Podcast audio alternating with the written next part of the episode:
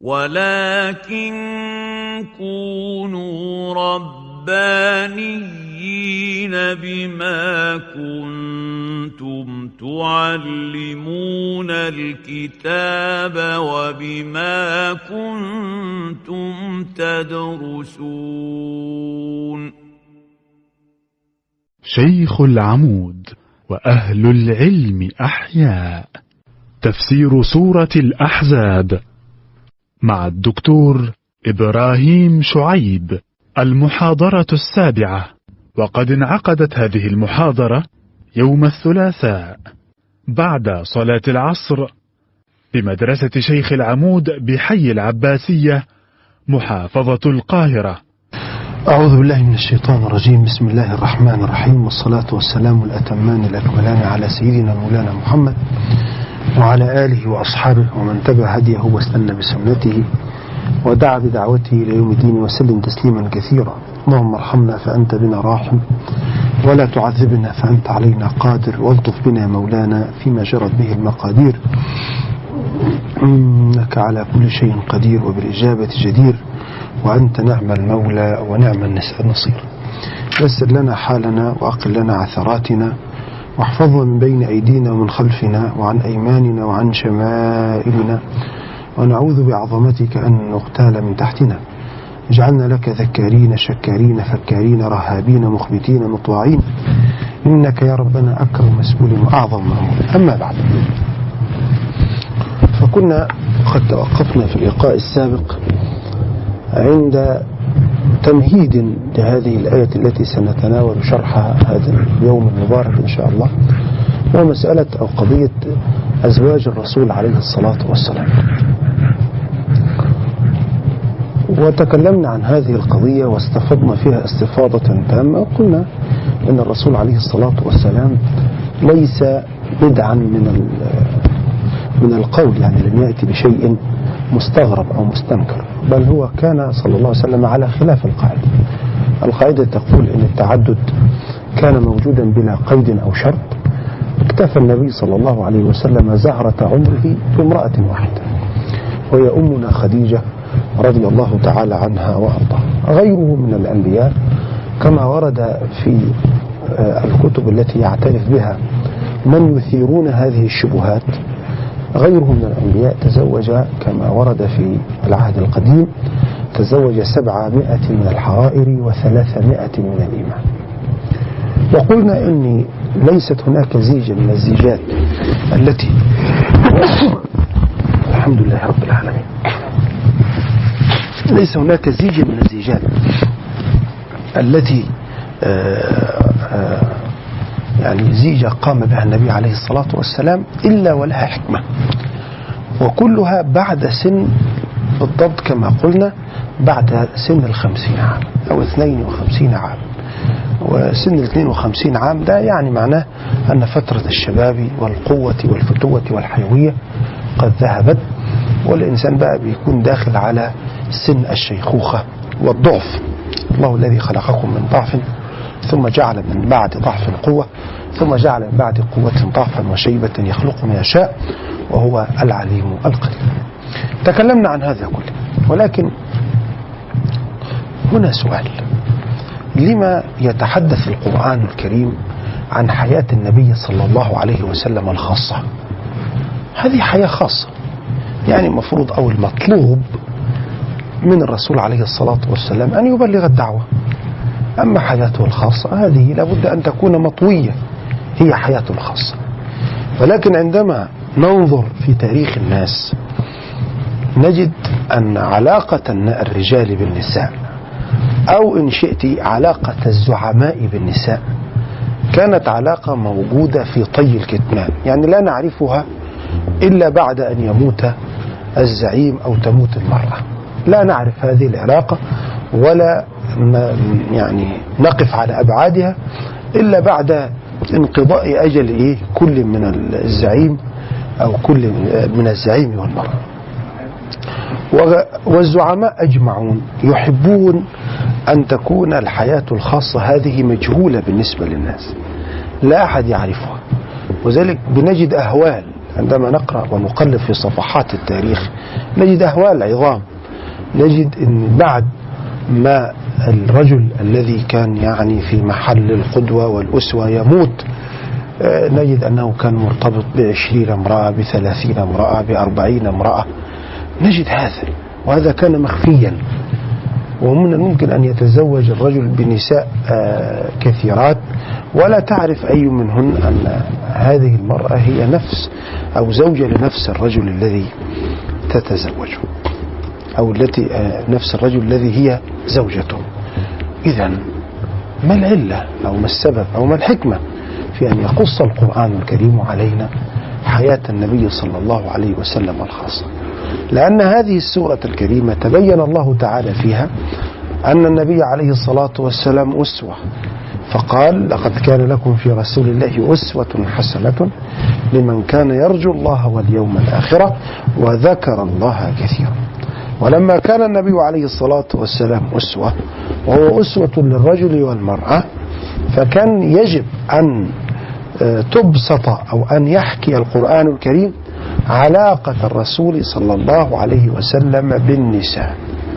هذه العلاقة طبعا العلاقات كثيرة بين الرجل والنساء علاقة علم علاقة معاملة علاقة علاقة علاقة. ولكن هذه العلاقة هي العلاقة الحميمية العلاقة الخاصة. التي تكون بين الرجل والمرأة. يعرضها القرآن الكريم. حتى نأخذ العظة والعبرة. هذا من جانب. ومن جانب آخر ألا تكون هناك صفحات مجهولة في سيرته صلى الله عليه وآله وسلم. لا تكون هناك صفحات مجهولة. فحياته الخاصة مبسوطة لا عبارة عن وثائق مسربة. يعني وثائق تسربت وثائق وكيليكس مثلا سربت إن فلان كذا وفلان كذا وفلان كذا. لا ده القرآن الكريم من عظمة هذا النبي جعل حياة النبي عليه الصلاة والسلام الخاصة آيات تتلى في كتاب الله عز وجل. يحفظها الصغير ويحفظها الكبير الناس يقرؤونها ليل نهار. ليست هناك وثائق مسربة. وهل هذه الوثائق صحيحة أو غير صحيحة؟ ده مبحث آخر. ولكن هذه أمور أوحى الله تعالى بها لنبيه ونزلت في كتابه لتحكي لنا حياة هذا النبي العظيم الخاص. وكيف كانت هذه العلاقة الحميمية بينه وبين النساء صلى الله عليه وآله وسلم. وهذا يدل على معاني كثيرة جدا منها أن الرسول بشر عليه الصلاة والسلام لأنه كان ربنا نزل له خلق له حاجة خاصة بيه يتجوزها. ها؟ إنما لا تزوج من نساء المسلمين وتزوج من باب جبر الخاطر. كثيرات منهن تزوجهن رسول الله صلى الله عليه وسلم من باب جبر الخاطر ومن باب الإيواء ومن باب مسؤوليته كقائد للأمة ومن باب توثيق العلاقة بينه وبين أصحابه كما تزوج من عائشة بنت أبي بكر ومن حفصة بنت عمر. رضي الله تعالى عن الجميع. إذا هذه واضحة. الأمر الثاني أنه حياة النبي عليه الصلاة والسلام الخاصة لا تفاجئنا الوثائق المسربة أنها كانت على غير الطهر والعفاف. لا ده هي على غير الطهر والعفاف وإلا ما عرضها القرآن الكريم في هذا الموضع. وما يعني ده يقدح في كونه نبيا صلى الله عليه وآله وسلم. وإذا هذه هذا أمور هذه أمور كما يقولون في غاية الشفافية أن هذا النبي هذه حياته العامة حياته العامة ترونها أما حياته الخاصة وهذه العلاقة التي لا ترونها ها أنا رب العزة سبحانه وتعالى أظهرها لكم في آيات بينات لتعرفوا أن النبي أن نبيكم هذا لا يسير إلا بوحي؟ وأن هذه الأمور التي ينطلق إليها الإنسان من دافع الشهوة النبي عليه الصلاة والسلام ينطلق إليها من دافع الوحي. الوحي هو الذي أمره بذلك. وإن كانت الشهوة كما سيأتي ستتعارض مع شيء من الوحي. لا الوحي يسيطر على الإيه؟ يسيطر على أمر الإيه؟ الشهوة. ولذلك في كتب كثيرة مثلا التاريخ الأسود للمرأة آه، جايب قصص كليوباترا جايب قصص بعض النساء في الهند بعض النساء اللواتي وصلن إلى رتبة الزعامة. كيف كانت هذه الحياة الخاصة بالنسبة لهن؟ ها؟ وكيف كانت الحياة الخاصة بالنسبة للزعماء؟ تجد أهوالا وأهوالا. أما سيدنا رسول الله صلى الله عليه وسلم فليس هناك من حاجة إلى كتم أو ستر حياته الخاصة لأن ليس فيها ما يعيب بل لابد أن تظهر كما فعل الله حتى تكون حياته الخاصة أسوة لحيواتنا الخاصة كما أن حياته العامة أسوة لحيواتنا العامة. يا أيها النبي. والعجب أيضا أن ربنا سبحانه وتعالى قبل أن يتكلم عن حياة النبي الخاصة يتكلم عن حياة المؤمنين.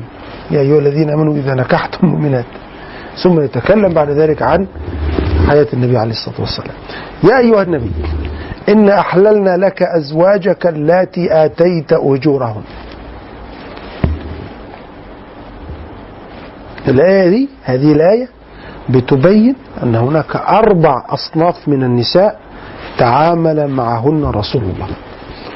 أول صنف من النساء ربنا بيقول له أحللنا لك أزواجك اللاتي آتيت أجورهن. والأجر هنا بمعنى المهر. بمعنى ماذا؟ بمعنى المهر. والمهر هذا له عدة أسماء. منها الأجر ومنها المهر ومنها الصداق وهكذا.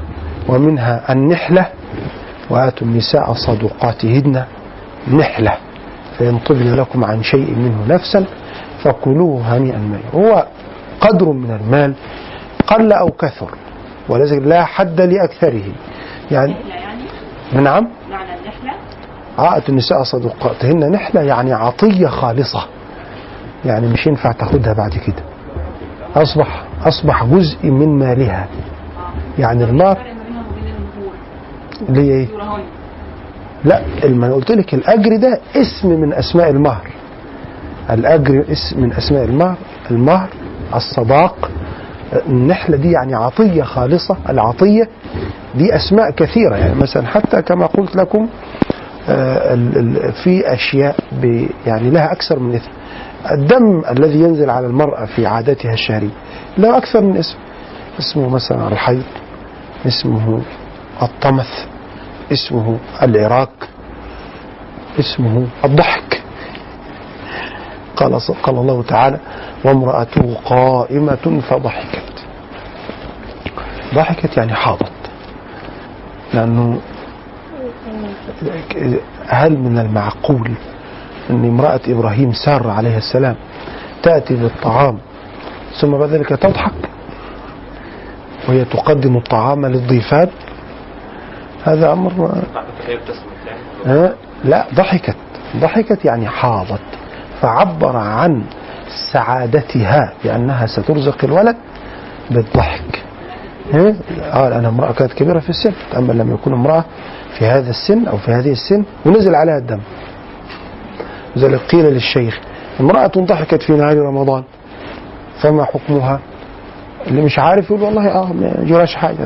تضحك. إنما اللي عارف يقول عليها تعيد اليوم لأن الضحك هنا بمعنى الحي. الضحك اسم من أسماء الإيه؟ الحي. والمهر قدر من المال يدفعه الرجل للمرأة هو طبعا قل أو كثر. يعني لو واحد مثلا أراد أن يعطي م- الذي التي سيتزوجها الدنيا كلها. فعل. الله تعالى قال وآتيتم إحداهن قنطارا فلا تأخذوا منه شيئا. يعني يعطيها ما تريد. يعني ما دام عنده القدرة يفعل ما إيه؟ ما يريد. هذا المهر هو آه ليتألف قلبها يحببها فيه. وده الرأي الذي أراه صوابا لا أن يكون هذا المهر مقابلا للمتعة التي يتمتع بها الرجل عندما يلتقي بالمرأة واضح؟ ولذلك الجماعة الشيعة قبحهم الله عندما يقولون أن زواج المتعة حلال بدليل هذه الآية إيه زواج المتعة؟ زواج المتعة ما يدفعش مهر ولا حاجة ويدفع لها قدر من المال في مقابل الفترة من الوقت التي ستقضيها معه. ما هو إيه الفرق بين الزواج وزواج المتعة؟ زواج المتعة آه، آه، مؤقت بوقت ليس فيه طلاق. متى انتهت ال- المدة؟ آه، حصل الفراق. هو العقد معها على شهرين على ثلاثة على أكثر على أقل على ساعة على نص ساعة على أكثر أقل. انتهت المدة انتهت المسألة. أما الزواج فهو على نية التأبيد. على نية الإيه؟ التأبيد إنه يتزوجها وتستمر الإيه؟ وتستمر الحياة. قالوا عد المتعة. ولذلك استدلوا فما استمتعتم به منهن فآتوهن أجرهن فقالوا إن الاستمتاع في مقابل الأجر. لا. أو الأجر في مقابل الاستمتاع. الأجر كي يتألف قلبها. يتألف إيه؟ قلبها حتى يكون لقاؤها ب... لقاؤه بها عن حب. إنما مسألة ال- المهر في مقابل البضع قال به بعض الفقهاء ولكن لا دليل لهم على هذا الإيه؟ على هذا الأمر. فهمتم هذه النقطة؟ فهنا الرسول ربنا بيقول لسيدنا الرسول يا أيها النبي إن أحللنا لك أزواجك اللاتي آتيت أجورهن. والتي النبي عليه الصلاة والسلام دفع لهن الإيه؟ دفع لهن المهر. والنساء اللواتي دفع عنهن المهر دفع لهن المهر. أنا قلت لكم أسماءهن في المحاضرة الإيه؟ السابقة. يبقى هذا هو الصنف الأول. الصنف الأول إن إحنا لك أزواجك اللاتي آتيت أجورهن. طب الصنف الثاني. وما ملكت يمينك مما أفاء الله عليك. ما حصل لك بسبب الفيء أو الغنيمة. فنكحت بعض النساء بملك اليمين. هذا جائز. والنبي عليه الصلاة والسلام قد نكح بملك اليمين السيدة ماريا القبطية. ولذلك هي ليست من أزواجه هي أم ولده رضي الله تعالى عنها ماريا القبطية. ونكح بملك اليمين أيضا إن ثبت السيدة ريحانة بنت شمعون. نكحها النبي عليه الصلاة والسلام بإيه؟ بملك اليمين. طبعا من باب الاستطراد يعني في هذه النقطة إيه يعني ملك اليمين ده؟ كيف يعني؟ كيف ملك اليمين؟ زي واحد يعني يأخذ امرأة بملك اليمين. أليست هذه إنسانة؟ لابد أن تكرم. طبعا دي بتدخل في منظومة كبرى اسمها منظومة الرق. الرق الذي وجد وكيف تعامل معه الإسلام. بصورة سريعة لأن دي يحتاج إلى بسط ومحاضرة كاملة أنه الرق لم يبتدعه الإسلام. يعني الإسلام لم يشرع الرق ولكن الرق كان موجودا فتعامل معه الإسلام. بماذا تعامل معه؟ أو كيف تعامل الإسلام مع الرق؟ كانت منافذ الرق أو موارد الرق كانت كثيرة جدا. منها الحرب ومنها ان أنا اعطيتك دين فلوس فلما اعسرت ولم تستطع أعثرت ولم تستطع أن ترد الدين آخذك عبدا عندي. واضح؟ بالمال الذي لي عليك. ومنها السرقة كما حدث مع سيدنا زيد بن حارثة بأنه سرق من أهله ثم بيع بيع العبيد. ومنها أشياء كثيرة. فماذا صنع الإسلام؟ الإسلام ضيق منافذ الرق. موارد الرق الروافد بتاعت الرق ضيقها. فلم يعد هناك منفذ أو رافد يعترف به الإسلام في مسألة الرق إلا الرق الناتج عن الحرب واضح؟ الناتج عن الإيه؟ وألغى كل هذه الروافد التي كانت موجودة. في مقابل ذلك ماذا صنع؟ وسع منافذ الايه؟ الحرية. فجعل من فروض الإسلام وهي الزكاة جعل جزءا منها تحرير العبيد. إنما الصدقات للفقراء والمساكين والعاملين عليها والمؤلفة قلو- قلوبهم وفي الرقاب والغارمين وفي سبيل الله وابن السبيل إذا جزء من عبادتك جزء من عبادتك لأن الزكاة عبادة. كالصلاة تماما بتمام. جزء من هذه العبادة ماذا؟ تحرير العبيد. هذا أمر. الأمر الثاني أي أخطاء يرتكبها الإنسان جعل الإسلام كفارة لها؟ بعض الأخطاء يعني عتق العبيد. فمثلا لو ظاهر من زوجته لا يمسها إلا إذا أعتق رقبة. لو حلف يمينا ووقع فيها لا يبرأ من هذا الإثم إلا إذا أعتق رقبة. لو قتل خطأ قتل خطأ عليه أن يعتق رقبة. القرآن وده كله ثابت بآيات في الإيه؟ بآيات في القرآن الكريم. من باب التصدق إنك أنت تتقرب إلى الله بالصدقه أن تشتري العبيد أو أن تعتقهم. طيب هذا من حيث روافد الرق ومنافذ الحرية. تعالى من جهة المعاملة. إحنا قلنا إن دول اسرى اسرى حرب. طب الإسلام قال فيه الاسرى قال أكلوهم كويس. ويطعمون الطعام على حبه مسكينا ويتيما وأسيرا. إنما نطعمكم لوجه الله لا نريد منكم جزاء ولا شكور. طب الإمام يعمل إيه؟ إما أن يعتقهم فإما منا بعده يفاء يفدي بعض الأسرى اللي عندنا بالأسرى اللي عند العدو أو إن هو يعني آه، لو كانوا أشرار والشر مستطير بالنسبة لهم يق- يقتلهم الإمام لا بأس في هذا. واضح هذه النقطة؟ طيب. دي طب إن أخذته عندك يخدمك إيه تعاملك معه؟ يقول صلى الله عليه وسلم إخوانكم خولكم جعلهم الله تحت أيديكم. فمن كان أخوه تحت يده فليطعمه مما يطعم وليلبسه مما يلبس ولا تكلفوهم من العمل ما لا يطيقون فإذا كلفتموهم فأعينوا. فأعينوهم.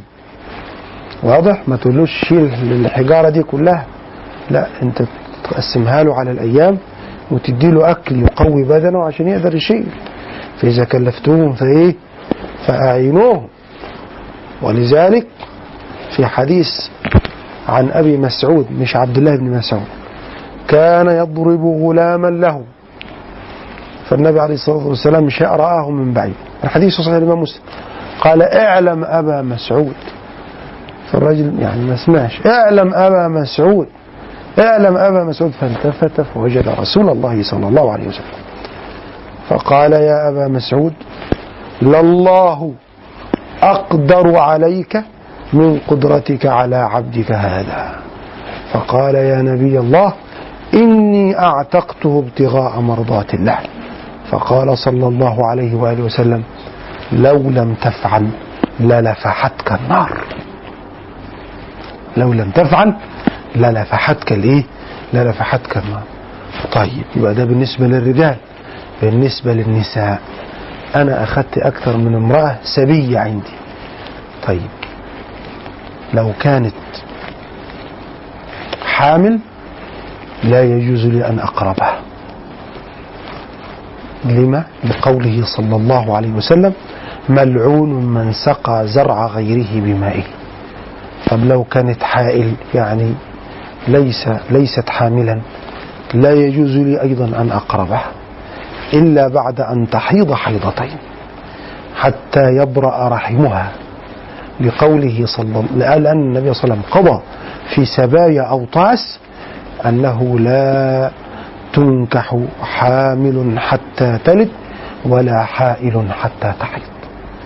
طيب انت نكحتها بملك اليمين لا يجوز لك كما كان يفعل عبد الله بن ابي بن سلول أنه كان يسخر فتياته الفتيات عن الامام فكان مشغلهم كده في إيه؟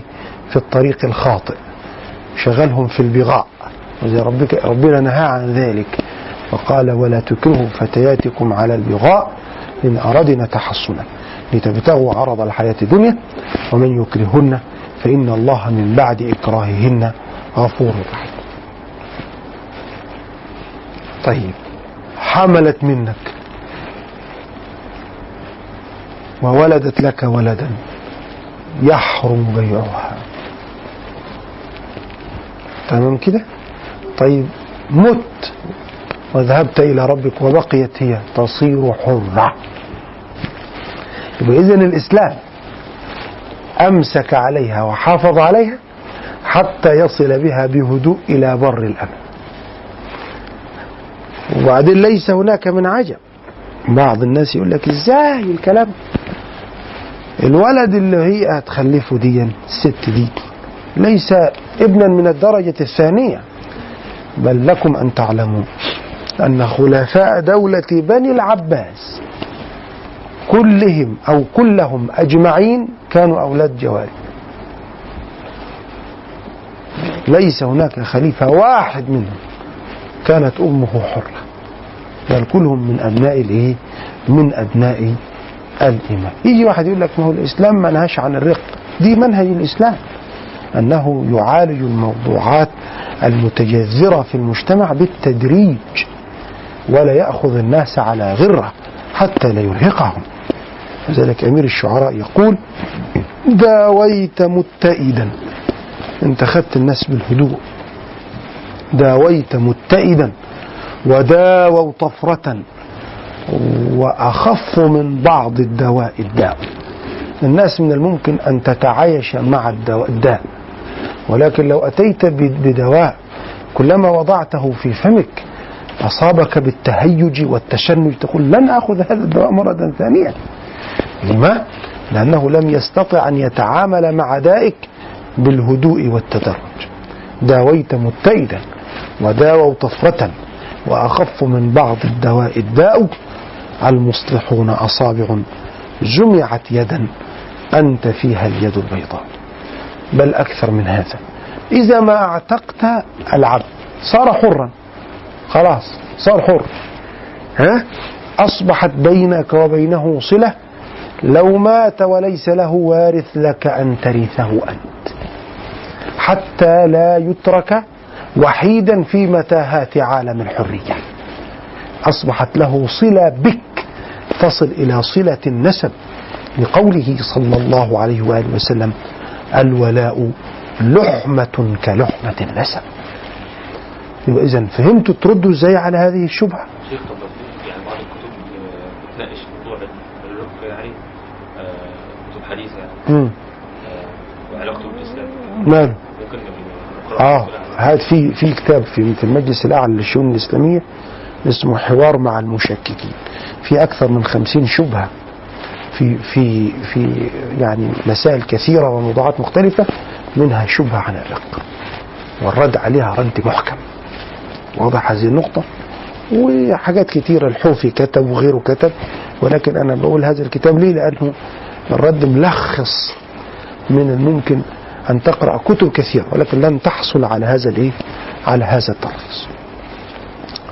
يبقى إذا نص نعم هي إيه الفكرة إن الاسلام يضع آه، قوانين هو يتعامل بيها مع يعني كان ممكن هو هو من الظاهر ان هو في مهانه لل- للإنسان كان الاسلام ممكن ينهيه زي ما مثلا الخمر والزنا والخطيئه ومين اللي قال لك إن الخمر أنا مين اللي قال لك إن هو أنهى الخمر على طول؟ المسلمين قعدوا يشربوا خمرة 19 سنة من عمر الدعوة. فانت بقى ليه الرق برضه ما لا ما هو التغى. ما هو التغى حضرتك. هو حضرتك ما هو ده منهج الإسلام. منهج الإسلام إن أنا حاجة منتشرة هي القاعدة. ألغيها إزاي؟ فلازم أتعامل معها بالهدوء. واخد لي بال حضرتك؟ لابد إن أنا أتعامل معها بالإيه بالهدوء. زي الخمر. الناس بتشرب خمر. هل نزلت آية ما تشربوش خمر على طول؟ أبدا. إنما قعد فترة مكة كلها 13 سنة وست سنوات من المدينة. 19 عام. يعني قبل ما الرسول عليه والسلام ينتقل إلى الرفيق الأعلى. بأربع سنوات؟ بأربع سنوات فقط. كان الخمر نزل فيها التحريم النهائي لأن سورة المائدة كانت قد نزلت في العام السادس من الهجرة. يا أيها الذين آمنوا إنما الخمر والميسر والأنصاب والأزلام رجس من عمل الشيطان. وبعدين عايز أقول لحضرتك حاجة. حكم الرق باقي مش انتهى. لم ينتهي. إنما حضرتك الآن حكم الرق. كل اللي فيها انه لو كان لو وجد واقع فيما بعد الآيات موجودة نتعامل معاه. هو الآن لا توجد مشاكل أو لا يوجد هذا المعنى. خلاص. واضح هذه النقطة؟ الأحكام. حضرتك اولا الإسلام صالح لكل زمان ومكان. إحنا الآن طبقا للمواثيق الدولية والكلام ده الأمور دي انتهت. من أدرانا؟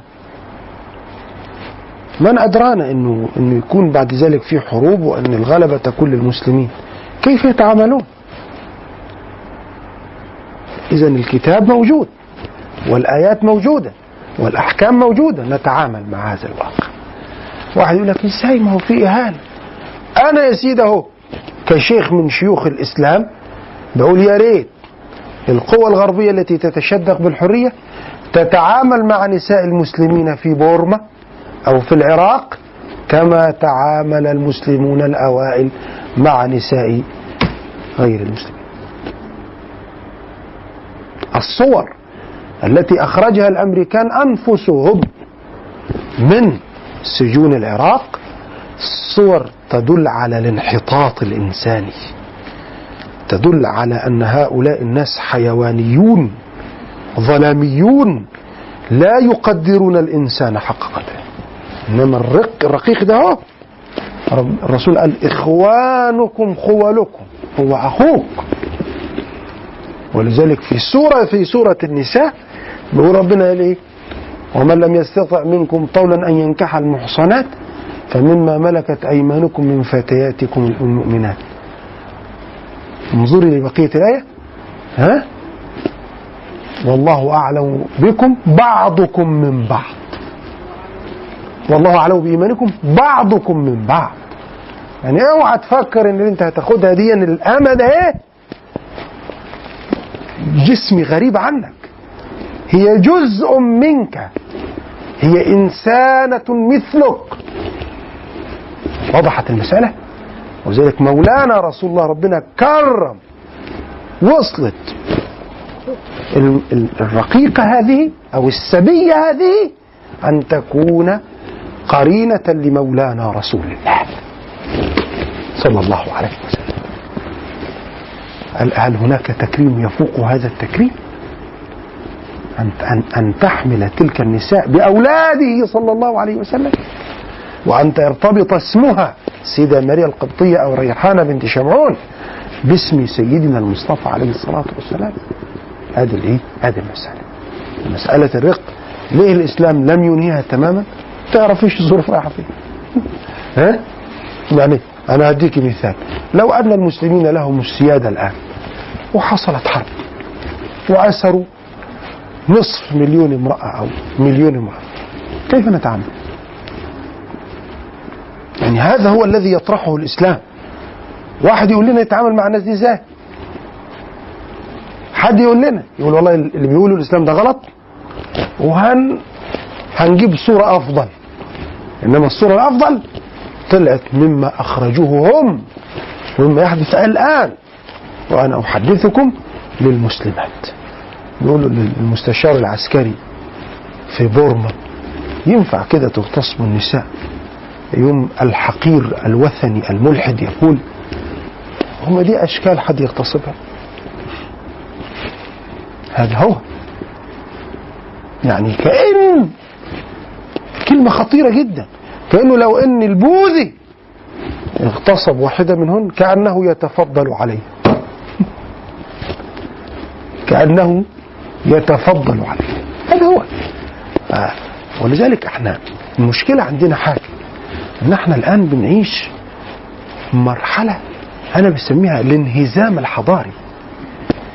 كأن في عندك عورة عاوز تخبيها. عورة عايز تداريها مش عاوز تظهرها. لا القصة مش كده. ليس هناك في الإسلام ما يسوء. وذلك مرة اتصل علي التلفزيون المغربي. يقول لي والآيات اللي بتدعو للقتال. قلت الآيات اللي بتدعو للقتال هذه هي وزارة الدفاع في الإسلام. دي وزارة الدفاع عندنا. والله لو عاوزين تلغوا الآيات اللي بتدعو في للقتال في الإسلام الغوا وزارات الدفاع في كل أنحاء الأرض. هي دي. ربنا بيقول لنا لما العدو يجي عليك تعمل إيه؟ تتصرف إزاي؟ هي دي وزارة الدفاع. دافع عن نفسك بس من خلال قانون وليس من خلال من خلال آه، سبهللة أو نوع من الغوغائية والعشوائية. تمام واضح المسألة؟ يبقى إذن الصنف الأول. يا أيها النبي أحلى لك أزواجك التي أتيت أجورهن. وما ملكت يمينك مما أفاء الله عليك. هذا هو الصنف الثاني. الصنف الثالث وبنات عمك. مين بنات عمه؟ النبي عليه الصلاة والسلام له كم عم؟ ها؟ انت مالكم معلوماتكم في السيرة كده زيرو ليه؟ ها؟ له كم عم؟ له له آه، عشر أعمام. له عشر عشر أعمام. في واحد منهم الحارس ابن عبد المطلب اللي مات بدري لما رأى عبد المطلب جد الرسول صلى الله عليه وسلم هاتفا في المنام يقول له أحفر زمزم. قال وما زمزم؟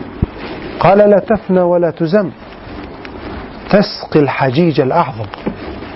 فقال وأين مكانها؟ مكان زمزم دي فين؟ قال عند ناصية الغراب الأسحم.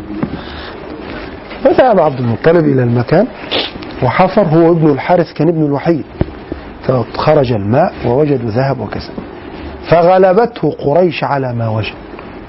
فقال إن رزقني الله بعشر من الولد لأذبحن أحدهم تقربا إلى الله. رزق بعشر. منهم عبد الله والد الرسول. يبقى هنشيل عبد الله من العشرة بقى كام؟ تسعة. والعاشر الحارس اللي هو مادة بدري. واضح؟ يبقى دي بنات إيه؟ بنات عمك. بنات عمك. فابو لهب اللي هو عبد العزة عم النبي. يجوز له صلى الله عليه وسلم أن يتزوج بناته وبنات أبي طالب عمه صلى الله عليه وسلم. إنما لا يجوز له أن يتزوج بنات عمه الحمزة. طيب عم. حمزة بن عبد المطلب ده عم الرسول أسد الله. طب ليه ما ينفعش يجوز بناته؟ حد في يعرف في- فيكم يقول؟ مع ان الآية واضحة هنا. وبنات إيه؟ عليه ما يجوزش يا بنات حمزة. ها؟ لأن حمزة أخ للنبي من الرضاعة. هو عمه وأخوه من الرضاعة ويحرم من الرضاع ما يحرم من النسب. فلو أذن له الله أن يتزوج ببنات عمه الحمزة لكان قد تزوج ببنت أخيه وهذا يحرم هذا حرام. فهمتم علي؟ بس بنات عمه وبنات عماته طب ما هو خد بنت عمته. سيدة زينب بنت جحش دي ما هي بنت عمته. زي ما إحنا قلنا. بنات عمك وبنات عمتي. بس مش كل بقى بنات عمك وبنات عماتك. مش كلهم. لأنه مش كلهم آمنوا. إنما اللاتي هاجرن معك. تكريما لهن. تكريما إيه؟ يبقى بنات عمك وبنات عماتك وبنات خالك وبنات خالاتك. مع أن الرسول ما تزوجش من بنات أخواله ولا بنات خالاته. لا. إنما يعني مباح له أن يفعل ذلك. بس في نقطة هنا بقى. ليه وحد الضمير في العم بنات عمك؟ ما قالش بنات أعمامك. ها؟ وقال بنات عماتك. لما أفرد العم وجمع الإيه؟ العمات. وأفرد الخالة؟ وجمع الإيه؟ الخالات. دائما قالوا لنقص لكمال الذكورة ونقص الأنوثة. وذلك ربنا سبحانه وتعالى نظائر ذلك في القرآن كثيرة. يقول عن اليمين والشمائل سجدا لله. طب ليه ما قالش والشمال؟ لأن الجهة الشمال أنقص من الجهة الإيه؟ من الجهة اليمين. الظلمات والنور. فجمع الظلمات وأفرد النور. لأن النور إيه؟ هو الكامل. أما الظلمات فلا كمال له. طيب إيه النقص اللي هنا؟ ها؟ إن بنت عمته ليست عصبة له. مش عصبته مش من العصب. ده بنت عيلة تانية. واضح؟ يبقى بنات عمك وبنات عماتك وبنات خالك وبنات خالاتك اللاتي هاجرن معك. تكريما لهن واعترافا بفضلهن اتجوز من دول يبقى ده الصنف اللي هو إيه؟ ده الصنف اللي هو الثالث. طب الصنف الرابع. وامرأة مؤمنة إن وهبت نفسها للنبي. إن أراد النبي أن يستنكحها خالصة لك من دون المؤمنين يعني واحدة تروح لسيدنا النبي عليه الصلاة والسلام وتقول له يا سيدنا النبي أنا عايز أتجوزك. أنا وهبتك نفسي. طبعا. في بعض العادات يعني الناس بتستنكفها يعني. اولا الست اللي هي تروح تقول للنبي أنا وهبتك نفسي دي جدعة. حقيقة يعني. لأنها حازت خيري الدنيا والآخرة. بس النبي يرضى صلى الله عليه وآله وسلم لأن زي ما يقول يعني مثلا واحد يقول إيه أنت مثلا شايف شايف كده إنه فلان الفلاني ده يصلح أن يكون زوجا لأختك. شايفه كده. يقوم إيه المنع أن تفاتحه؟ تقول أنا عاوز أجوزك أختي. الناس بترى هذا منقصة طب وانت أحسن ولا سيدنا عمر؟ سيدنا عمر لما مات زوجه حفصة راح لأبي بكر. قال له أنا عاوز أجوزك حفصة. أبو بكر لا رد عليه لا باليمين ولا بالشمال.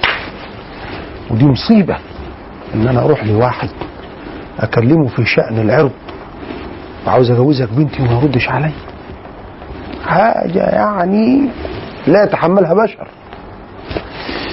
وراح لعثمان فعثمان قال لا مش عايز. تنبلوا هذا؟ فراح لسيدنا مولانا الرسول عليه السلام. فقال له سيأخذ النبي صلى الله عليه وسلم قال سيأخذ عثمان من هي خير من حفصة. اللي هي بنت النبي. وسيأخذ حفصة من هو خير من عثمان وهو رسول الله.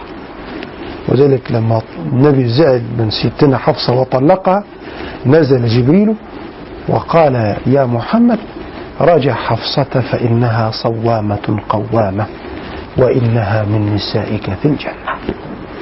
شهادة فسيدنا عمر قال للرسول عليه الصلاة والسلام يا نبي الله إن كنت قد وجدت على عثمان مرة فإني واجد على أبي بكر مرات.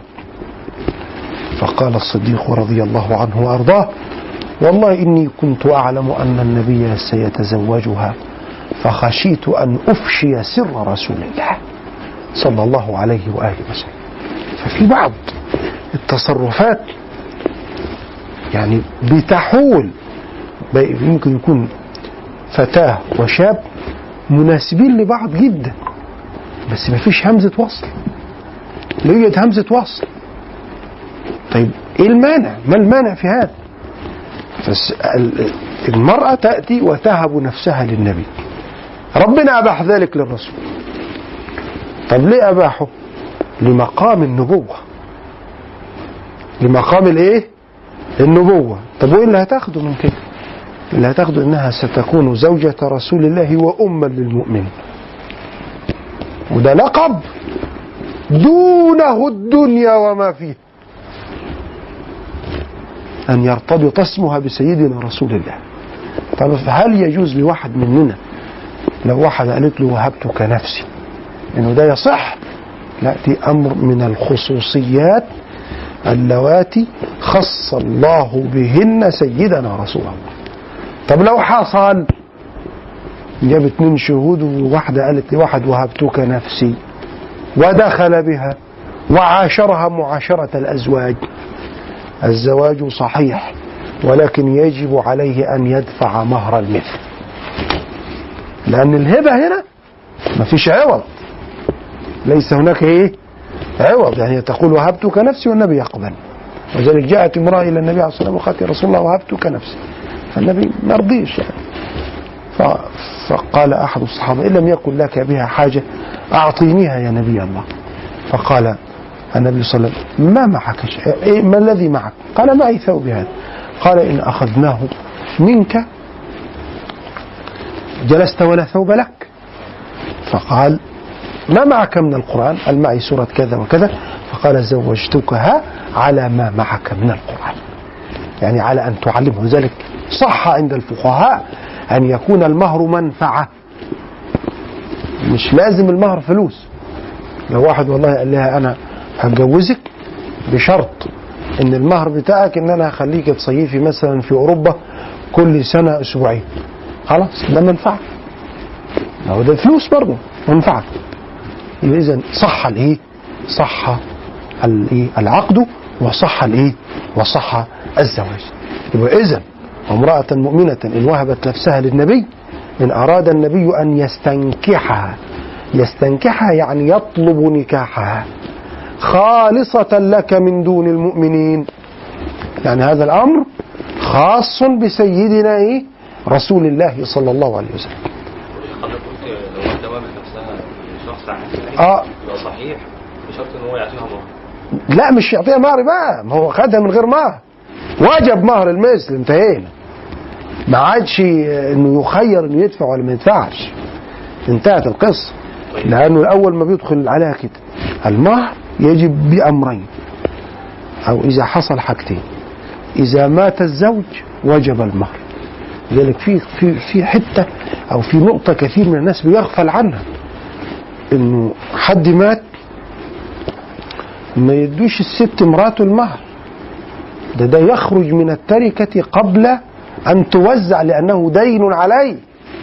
ولذلك قال صلى الله عليه وسلم من تزوج امرأة على ما قل أو كثر من المهر مات يوم يموت وهو لا يريد أن يعطيها إياه لقي الله تعالى وهو زان. انتهت القصة. ويجب بالدخول. دخل عليها كده وسد الباب وجب المهر. قبل الدخول نص المهر لو طلقها كما قال الله. عن ذلك أهو. ها؟ وان طلقتموهن من قبل أن تمسوهن وقد فرضتم لهن فريضة فنصف ما فرضتم. ولذلك أي واحد تتجوز أي واحد ومش عاوز يديها فلوسها القاضي على طول يفرض لها مهر المثل. إيه مهر المثل؟ والله هي مؤهلها طبيبة. خلاص شوف الطبيب بيجي لها شبكة بقى كام وخلاص تصرف مؤهلها كده وهكذا. وذلك الرسول عليه الصلاة والسلام قضى في بروع ابنة واشق بهذا رجل تزوج امرأة ولم يكن قد فرض لها صداقة. فقال عبد الله بن مسعود لها مثل صداق مثيلاتها لا نقص فيه ولا شطط. فوقف أحد الناس وقال أشهد أن النبي عليه الصلاة والسلام قضى في بروع ابنة واشق بمثل ما قضى طيب. قول حبيبي. الولي يعني؟ باذن ولي الامر طبعا. مين؟ يعني لا يجوز لغير رسول الله. إنما عند رسول الله لا ولي أمر ولا غيره. لأن النبي أولى بالمؤمنين من أنفسهم زي ما قلنا في الآية. ولذلك الرسول صلى الله عليه وسلم تزوج امرأتين بالهبة. تزوج امرأتين ما إحنا هنفنط بقى مين مين كل واحدة من الأصناف من نسائي في, في الأصناف الأربعة اللي إحنا إيه قلناها. طيب أنا عندي. تزوج بالهبة السيدة زينب بنت خزيمة وماتت عنده. راحت السيدة زينب بنت خزيمة كانت امرأة ذكية وناصحة.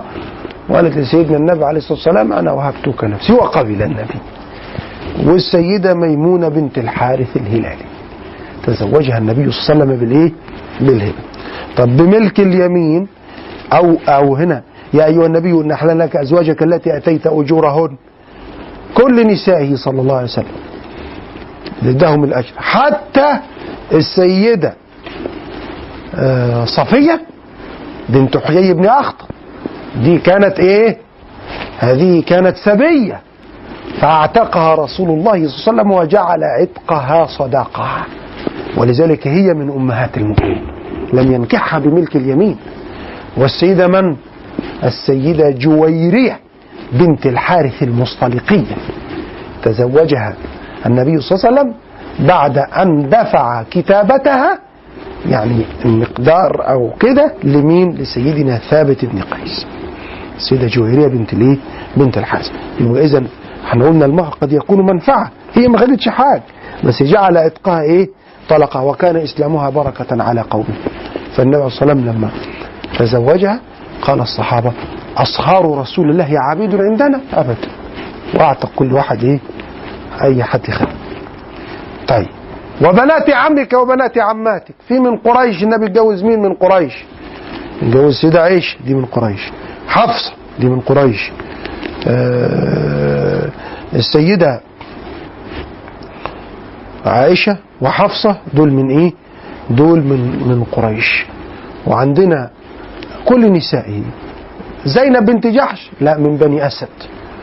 واضح؟ أغلب النساء من إيه؟ من قريش. في بقى من بني هلال. اللي إحنا قلناهم إن الرسول تزوجهم بالهبة مش من قريش. ميمونة بنت الحارث الهلالية وزينب بنت خزيمة من إيه؟ يسموها أم المساكين بقى أيضا من بني إيه؟ من بني هلال. طبعا يا جماعة لازم تعرفوا حاجة إن قبيلة قريش هذه لازم تقروا عنها حاجة. لأنها قبيلة ربنا جعل لها إيه- آه، سورة باسمها في القرآن. وهي سورة قريش. لإيلاف قريش إيلافهم هذه القبيلة 12 بطن. 12 إيه؟ بطن. 12 بطن دول بيجمعوا قبيلة إيه؟ قريش. تعالوا بقى معايا. أذكر لكم أمثلة كده سيدنا أبو بكر من بني تيم بطن من قريش.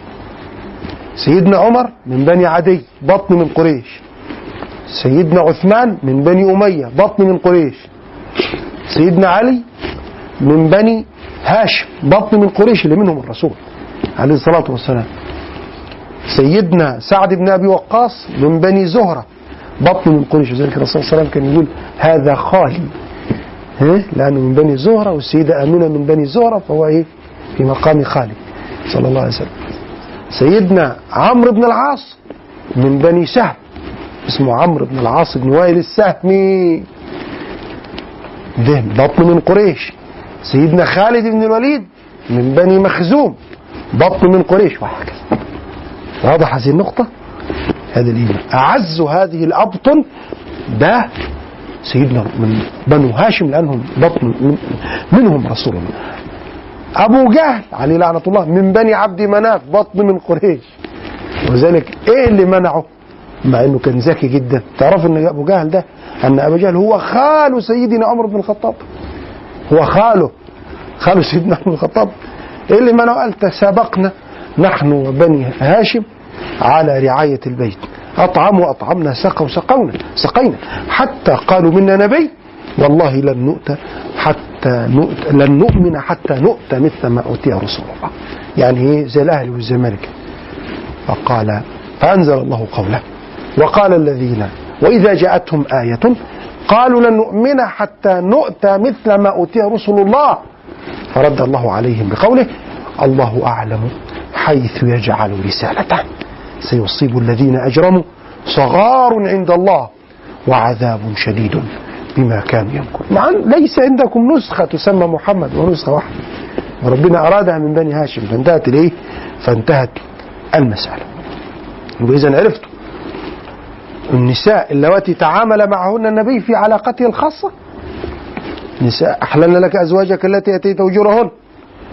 وما ملكت يمينك؟ منكح النبي بملك اليمين اثنين. سيدة ماريا القبطية وريحانة بنت شمعون. وبنات عمك وبنات عماتك وبنات خالك وبنات خالاتك أغلب التي هاجرن معك أغلب نسائه من قريش صلى الله عليه وسلم. وامرأة مؤمنة إن وهبت نفسها للنبي. ولذلك الفقهاء الجمهور يعني قالوا لا يجوز النكاح بلفظ الهبة. يعني أنا أنا رحت أتجوز واحدة والواحدة دي أنا اديتها مهر وكل حاجة ولكن بدل ما ما تقول لي زوجتك نفسي تقول وهبتك نفسي. هذا لا يجوز عند جمهور الفقهاء. يجوز عند الإمام مالك. واضح؟ ولكن يجوز الجمهور قالوا لابد من عقد الزواج بلفظ النكاح أو الإيه؟ أو الإنكاح. إن أراد النبي أن يستنكحها خالصة لك من دون المؤمن هذه من خصوصياته صلى الله عليه وسلم. قد علمنا ما فرضنا عليهم في أزواجه. بيذكر عموم الأمة. يقول لعموم الأمة هذه الأحكام خاصة برسول الله. فنحن فرضنا عليكم أن يتزوج الواحد منكم إن أراد أربعا وما شاء من ملك اليمين وما شاء إيه؟ من ملك اليمين ها أما زيادة على أربعة فهذه من خصوصياته صلى الله عليه وسلم. طب ليه من خصوصياته؟ ما كان في واحد من مشايخنا مات رحمه الله راح لوس أنجلس فامرأة آه، يعني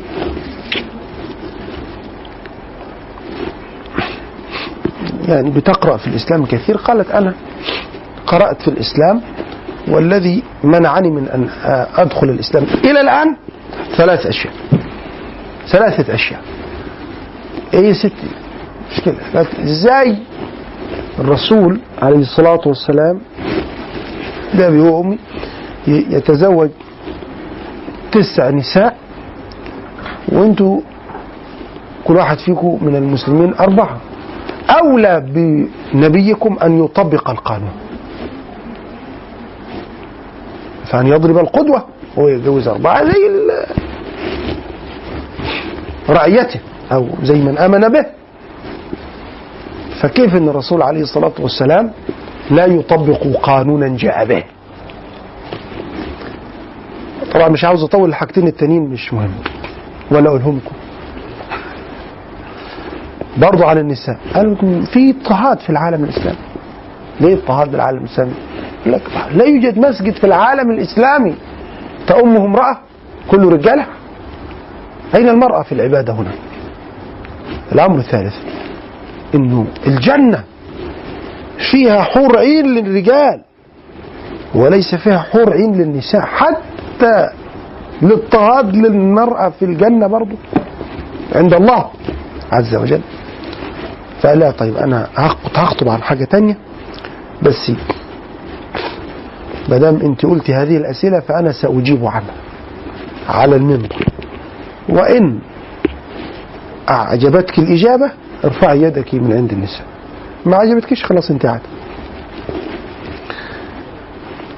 ليه الرسول عليه وسلم لم يطبق القانون؟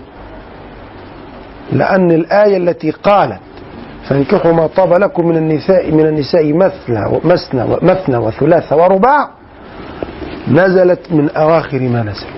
كان الرسول تزوج بالفعل. كان هؤلاء النسوة في عصمته بالفعل. فالنبي لما نزلت هذه الآية قال لكل واحد من الصحابة كان عنده أكثر من أربعة أمسك أربعا وفارق سائرهن. طب ليه هو ما نفذش هذا لأنه ما ينفعش ينفذ. لما؟ لأنه لو طلق ما فوق الأربعة لظلمهن. ليه؟ لأنه ما ينفعش حد يتجوزهم لأنهم أمهات للمؤمنين. واضح هذه النقطة؟ إذا هنا هذه النقطة إنه بيحافظ على المرأة وما ظلمهمش. هو أن يبقين في عصمته أولى أم أن يطلقن ولا يكون لهن راعي؟ لأن ما فيش حد يجوزهم بعد كده. وما كان لكم أن تؤذوا رسول الله ولا أن تنكحوا أزواجه من بعده أبدا إن ذلكم كان عند الله عظيما. هذا إيه هذا هو. غير كده كما سيأتي إن الراجل المسلم يتجوز أربعة ويطلقهم ويجيب كمان أربعة ويطلقهم ويجيب كمان أربعة هو حر. إنما والمرأة حرة برضه إنها توافق ولا ما توافقش؟ واحد يقول لك إزاي بقى المرأة كده وبتاع؟ طيب هو لما يجي واحد كان بعض الن- الن- الناشطات في مجال حقوق الإنسان راحوا لسيدنا الشيخ محمد أبو زهر قالوا عاوزينك تصدر قانون. وتسعى في إصدار قانون بأن الراجل ما يتجوزش فوق مراته. وقال ليه قانون. ليه ما قانون؟ اللي يجيها واحد متجوز ما تتجوزوش. ما هو لما يروح واحد يروح يتجوز واحدة. بيقول لها أنا إيه؟ وبتسأل عنه. مش كده بيحصل ولا ما بيحصلش ده؟ مش فاهم. ما هو أنت حضرتك يبقى تقصير منك. ما هو واحد جاي يتقدم ليك. طب أنا لازم أعرف عنه كل حاجة. لابد. وهو لو خبى شيء هيبقى رجل لا يؤتمن ورجل غير صادق. إنما هو بيقول والله أنا متجوز وعندي أولاد وأنا حابب إن أنا أرتبط بك. أنت في الوقت ده تقررين أم لا؟ واضح. ده ده هذا هو الطبيعي. غير كده ليس طبيعيا. كون واحد بقى نام ولا مقصر ولا الكلام ده ده هو حر بقى. أنا مش مش مطالب كشرع أن أعالج له أخطاءه. فالمرأة لما تيجي لها رجل متزوج تقول لا مش هجوزها مش كده؟ إحنا محتاجين قانون. وهي لو رفضت أن تتزوجه هل أحد سيجبرها على هذا؟ لا أحد سيجبرها على هذا. اذا ما الذي جعلها توافق؟ لأنها رأت أن موقعها مع رجل متزوج أفضل من موقعها بدون رجل. فالإسلام نقلها من مكان تراه هي سيئا إلى مكان تراه هي حسنا. بس هي التي رأت ذلك هي التي قبلت بهذا. هذا هو. فالرسول عليه الصلاة والسلام ما كانش ينفع يمشي عليه هذا القانون. ليه؟ لأنه كان تزوج بالفعل. خلاص. وربنا قال له لا يحل لك أما النبي عليه الصلاة والسلام التسعة دول لو ماتوا الصبح ما ينفعش يتجوز غيره. لا يحل لك النساء من بعد. خلاص. تمام كده؟ لكي لا يكون عليك حرج. وكان الله غفورا رحيما إذا هذه الآية الكريمة. الاثنين مش الحور العين الاثنين.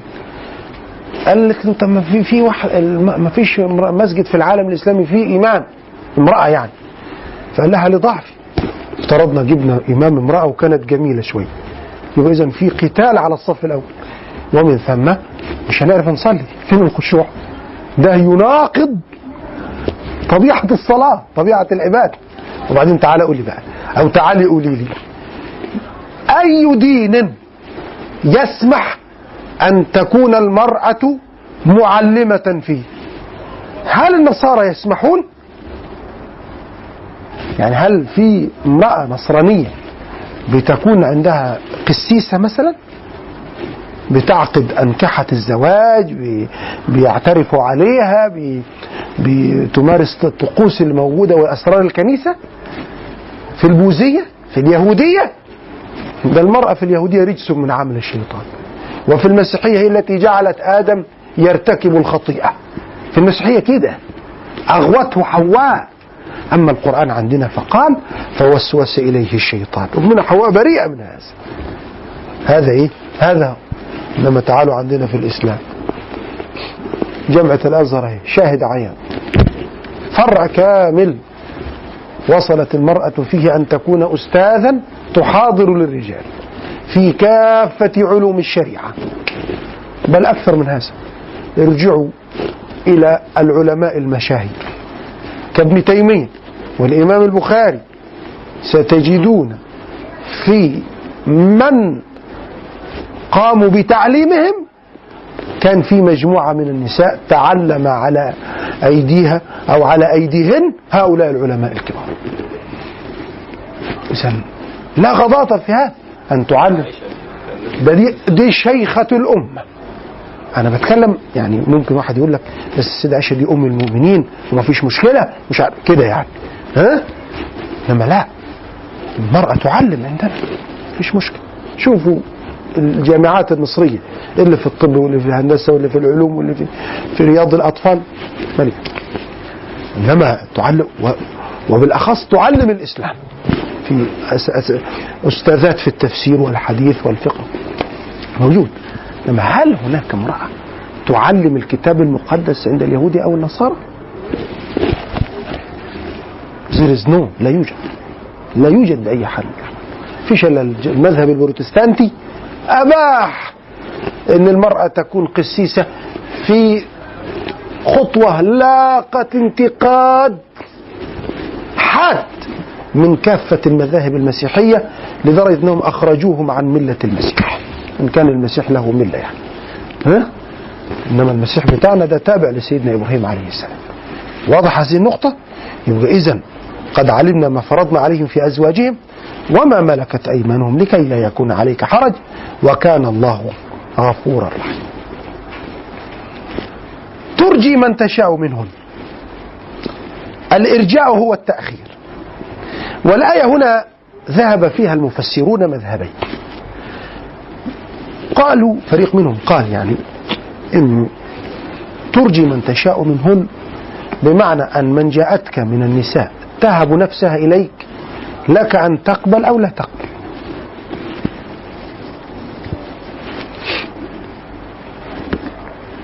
ترجي من تشاء تأخرها. وتؤوي إليك من تشاء. ترجي يعني لا تقبل تؤخرها يعني. تؤوي يعني قبلت أن تكون زوجة لك. ولو فعلت هذا وذاك لا جناح عليك لا إثم عليك. ومن ابتغيت ممن عزلت فلا جناح عليك. هذا معنى.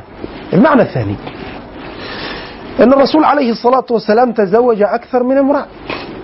وهو صلى الله عليه وسلم مات عن تسع صلى الله عليه وآله وسلم.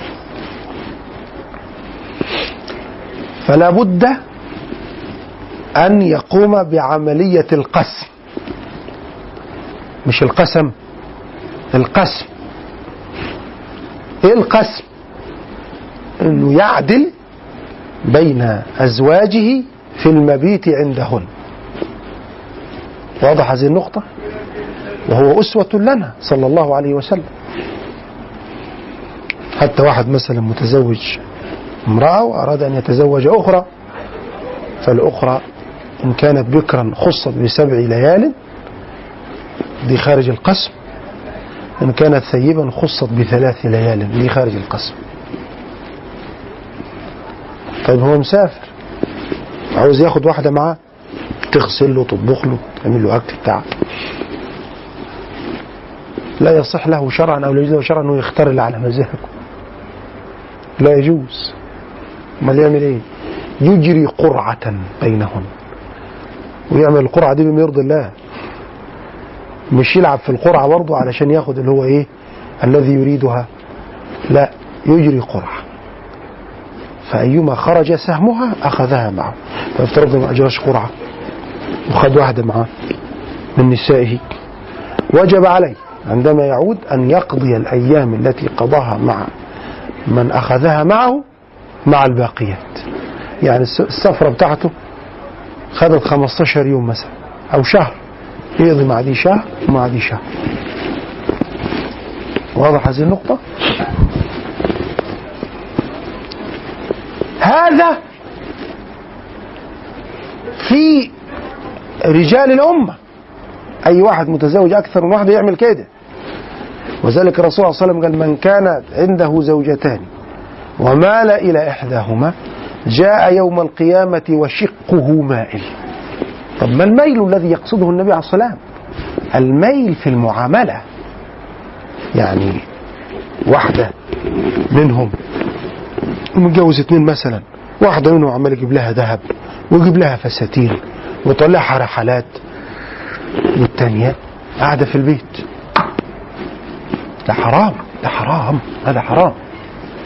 ده بيذهب بنفسه يعني بيذهب واخد نفسه كده ورايح على جهنم عدل.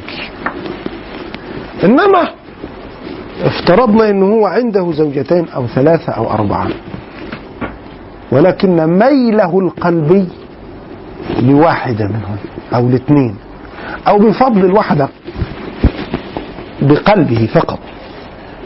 ربنا سبحانه وتعالى ذكر هذا وذكر ذلك فقال سبحانه فانكحوا ما طاب لكم من النساء مثنى وثلاث ورباع فإن خفتم ألا تعدلوا فواحدة. يقصد العدل إيه؟ العدل فيما يملكه الإنسان. العدل في المعاملة. ينفق على هذه كما ينفق على إيه؟ على هذه. أما العدل الذي لا يستطيع الإنسان أن يملكه وهو ميل القلب. ميل القلب. ده عدل لا يستطيع أحد أن يملكه. فده مغفور فيه مسامح فيه. وهذا ما عبر عنه القرآن بقوله ولن تستطيعوا أن تعدلوا بين النساء. ولذلك النبي عليه الصلاة والسلام كان يميل إلى أمنا عائشة. كانت كان قلبه المبارك الشريف يميل إلى أمنا عائشة. فخشي صلى الله عليه وسلم أن يكون هذا تفريطا في قيمة العدل بين أزواجه. فقال صلى فقال صلى الله عليه وسلم اللهم إن هذا قسمي. في بعض الناس تقرأها قسمي. هذا خطأ. اللهم إن هذا قسمي فيما أملك. أنا بعدل بينهم عدل تمام في مسألة المعاملة. فلا تؤاخذني بما لا أملك وتملك أنت. ميل القلب. وذلك ميل القلب ده ما حدش له سلطان عليه. واحد بيحب واحد هنعمل له إيه؟ هو قلبه راح كده خلاص. ولذلك وليلى لم يكفها الهجر حتى أباحت في الهوى عقلي وديني فقلت لها ارحمي قلبي. فقالت وهل في الهوى يما ارحميني زي ما بيقولوا هذا الايه ده المعنى. اذا ده موجود شفت الرسول صلى الله عليه وسلم وعظمته؟ ومع ذلك ربنا قال له موضوع القسم ده مش عندك انت.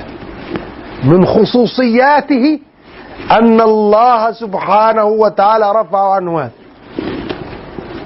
زي ما هو عايز. عاوز يروح يبيت عند السيدة عائشة يتفضل يروح عند السيدة حفصة يتفضل زي ما هو عايز. وذلك ها ترجي من تشاء منهن. مش رايح ما تروحش عندي ما يجراش حاجة. وتوي إليك من تشاء. رحت عندي هذا مباح. ومن ابتغيت ممن عزلت فلا جناح عليك. ومع هذا لم يغادر النبي صلى الله عليه وسلم ولم يفارق طريقة القسم ليلة واحدة. ان الرسول ربنا رفع عنه هذا. جائز لك يا محمد من خصوصياتك إنك أنت وذلك. صلوات ربي وسلامه عليه. لما كان في مرضه الأخير استأذن من نسائه أن يمرض في بيت عائشة. استأذن من نسائه. صلوات ربي وسلامه. هذا عظمة وذلك ربنا سبحانه وتعالى يختم الآية. ذلك أي هذا التصرف لما أنت تعدل في القسم بينهن ذلك أدنى أن تقر أعينهن. ولا يحزن. فيش واحدة فيهم تقول ده سابني وراح للتاني. طبعا كان في غيرة بين زوجات النبي عليه وسلم. موجود غيرة خالص يعني. أنا السيدة عائشة رضي الله عنها كانت جميلة جدا السيدة عائشة. كانت جميلة وكانت صغيرة السن. أن الرسول صلى الله عليه وسلم مات عنها وهي ابنته ثمانية عشر ربيعة رضي الله تعالى عنها وأرضاها اللي كانت بقى بتنافسها في الجمال السيدة صفية بنت حيي بن أخطب. كانت تنافسها في الجمال. وكانت تتفوق عليها السيدة صفية في إنها بتطبخ كويس. طباخة ماهرة فالسيدة صفية في ليلة عائشة بعثت بطاجن من اللحم مطبوخ كويس له رائحة عظيمة جدا إلى رسول الله صلى الله عليه وسلم. السيدة عائشة يعني قالت هي بعت الاكل ده علشان الصحابة يأكلوا مع الرسول يقولوا الله الله تسلم الأيادي اللي عملت الكلام ده. وألقت بالطعام في الأرض فماذا صنع؟ ده, ده موقف عجيب جدا. يعني تخيل لو اني واحد من الناس اللي هي بتربي شنبات دي امرأته قاعد مع أصحابه وامرأته مسكت حلة الطعام في ظل هذا الغلاء الفاحش الناس بتعيشه وألقت به يا! ده أضعف الإيمان إن هي تقعد في الجبس إلى أن تلقى الله. ويطلقها بقى 30 40 طلقة ونجتمع الفقهاء يجتمعون طب الطلاق ده واقع ولا مش واقع؟ شغلانة صلوات ربي وسلامه عليه. فقال عليه الصلاة والسلام غارت أمكم. خذوا إناءها وأعطوه صفية وقولوا لها قدرا بقدر وطعاما بطعام. ومع ذلك سيدة عائشة لم تسكت. فقالت لها يا يهودية يا ابنة يهوديين أنت سل- سلسال يهودي. فسيدة صفية كانت جميلة رضي الله تعالى عنها وأرضاها. أمنا أم المؤمنين. قالت ذهبت باكية إلى النبي صلى الله عليه وسلم. فقال إن عاودتك الحديث فقولي لها أبي هارون. لأنها كانت من سلالة سيدنا هارون.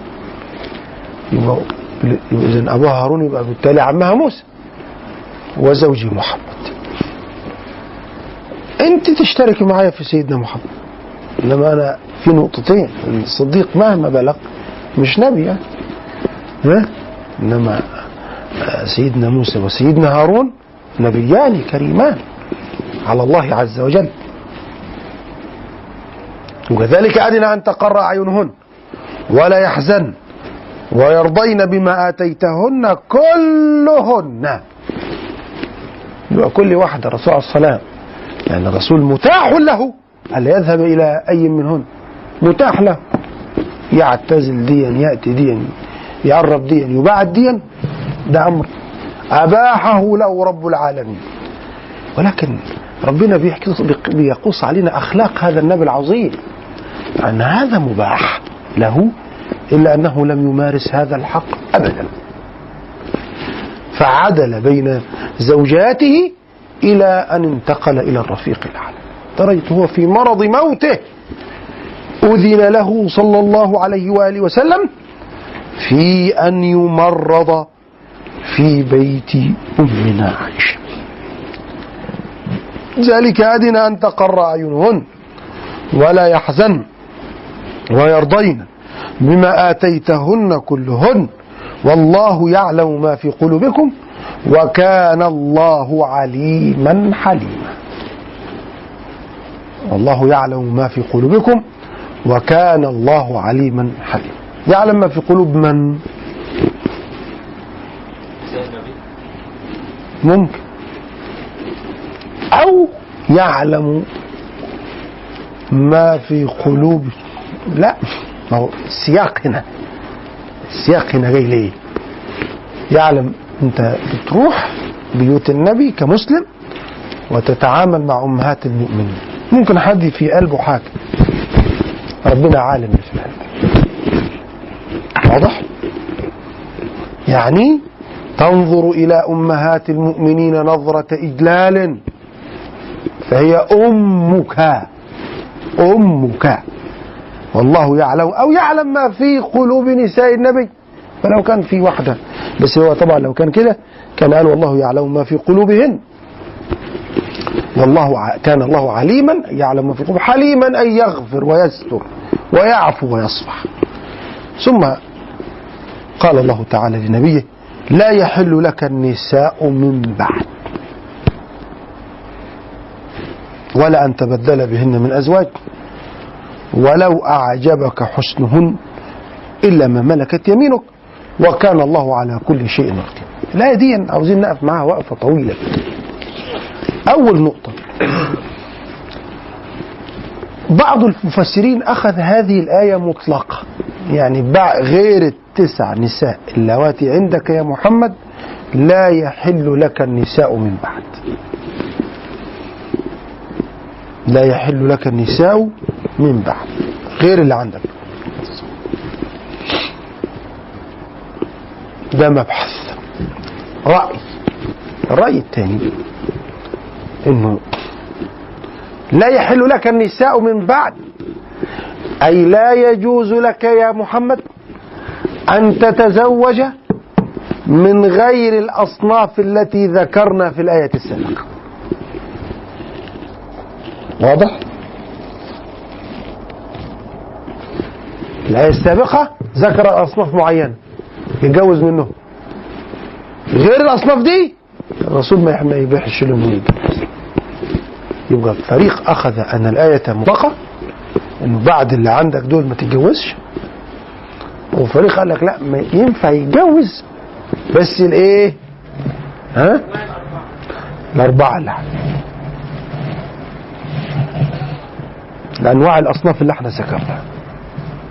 وفريق قال لك ده الايه دي منسوخة. حتى قيل لأحد آه، لابن عباس على ما أذكر. يعني يعني لو يقولوا كده لو مات ماتت نساء النبي ألا يتزوج؟ يعني افترضنا فرضا يعني إن كل نساء النبي متنا رضي الله تعالى عنهم. لا يتزوج؟ لا. ما مات أم سلمة تقول كده. ما مات النبي إلا وقد أحل له رب العالمين النكاح الزواج. وقالوا إن هذه الآية منسوخة. طب منسوخة ليه؟ فين النسخ؟ بتاعها أين الناسخ؟ قال لك الناسخ بتاعها الايه اللي قبل منها يا أيها النبي إن أحللنا لك أزواجك اللاتي آتيت اجورهن طب كيف يتقدم الناسخ على المنسوخ؟ في ترتيب الآيات قال لك ما هو برضو الكلام ده وارد في سورة البقرة. ربنا يقول والذين يتوفون منكم ويذرون أزواجا يتربصن بأنفسهن أربعة أشهر وعشرة. فهذه الآية منسوخة بالآية التي في آخر الربع. يا أيها والذين يتوفون منكم ويذرون أزواجا وصية لأزواجهم متاعا إلى الحول غير إخراج فالآية ده إيه؟ الأولانية نسخت الآية الإيه؟ التي وردت في الترتيب إيه؟ تالية طب إيه معنى الآية هنا؟ قال لك ربنا أنزل هذه الآية تكريما لأمهات المؤمنين فعندما قال الله تعالى لهن يا أيها النبي قل لأزواجك إن كنتن تردن الحياة الدنيا وزينتها فتعالين أمتعكن وأسرحكن سراحا جميلا. فاختار, فاخ فاختار نساء النبي اخترن رضي الله تعالى عنهن الله ورسوله. فكما شوف بقى التكريم لنساء النبي. فكما اخترتن الله ورسوله اقتضى ذلك أن يقصر الله نبيه عليكن. تكريما لكن. واضح؟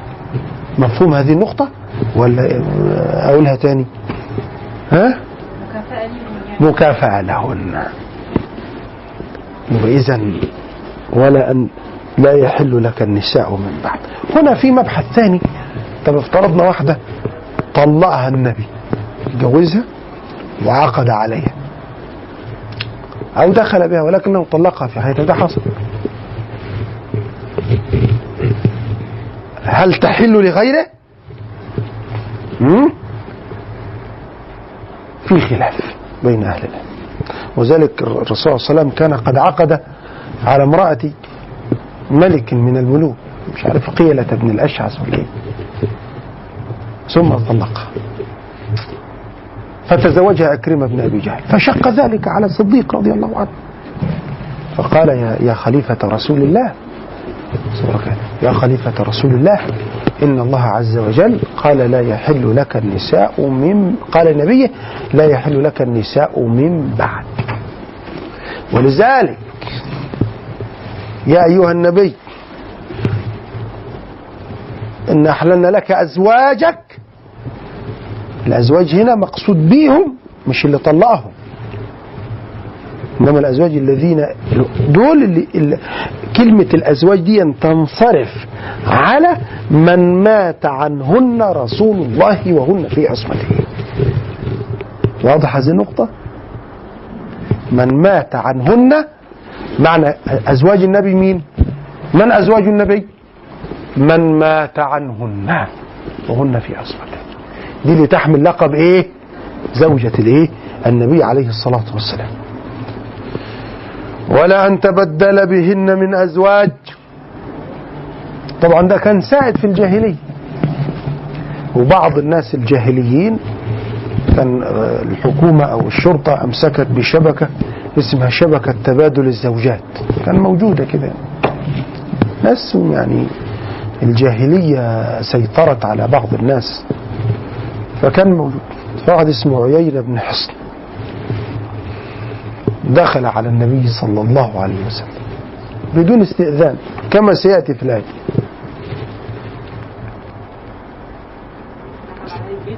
آه. فوجد السيدة عائشة بجوار. السيدة عائشة كما قلنا كانت جميلة. فقال من هذه الحميراء؟ يا نبي الله. قال إنها عائشة أمك. هو عارف الجلف ده الوليد فقال فقال النبي صلى الله عليه وسلم أتنازل لك عن أحسن منها. هو بيقول له يعني. فقال النبي صلى الله عليه وسلم إن الله حرم هذا يا عيينة. ثم انصرف. فقالت أمنا عائشة ما الذي يقول لك هذا الأحمق يا نبي الله؟ فقال النبي صلى الله عليه وسلم إنه على ما ترين الأحمق ده إنه لمطاع في قومه. مطاع يعني أنه أحمق. إلا الناس ماشية وراء أحمق. نعم؟ أمير علي. أمير عليهم هذا إيه؟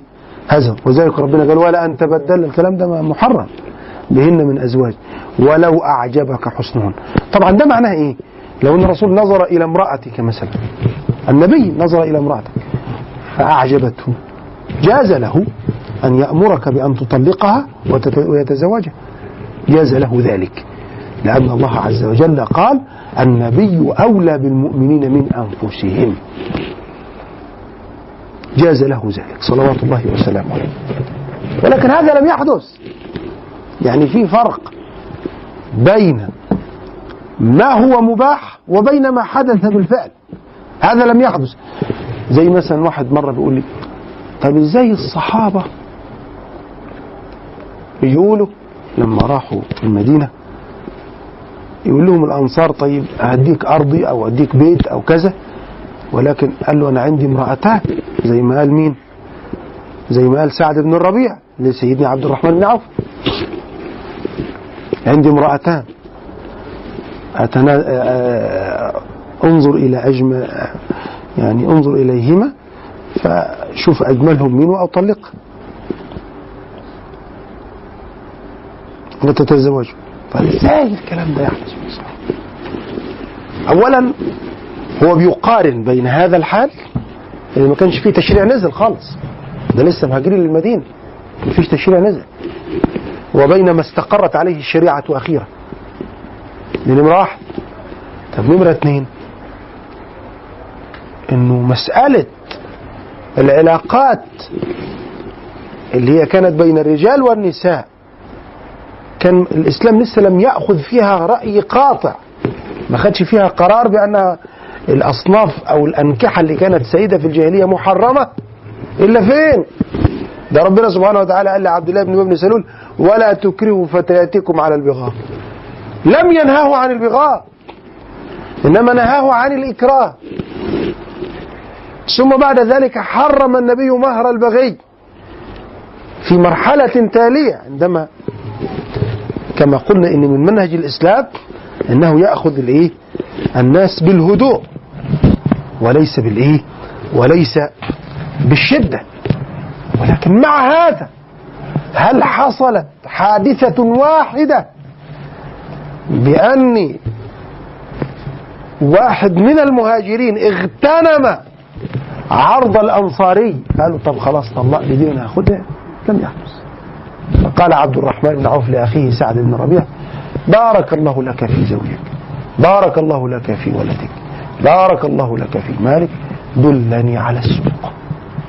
قل لي السوق فين؟ فراح السوق تاجر في الزبد والسمن حتى أثرى ثراء بليغا. ففي يوم الرسول صلى الله عليه وسلم ليه مستحمي حمومة حلوة كده. وشعره عوج شعره كده وعامله فرقة من هنا والريحة طالعة منه وإيه المسك بيلمع في في في, شعره. ما بك يا عبد الرحمن؟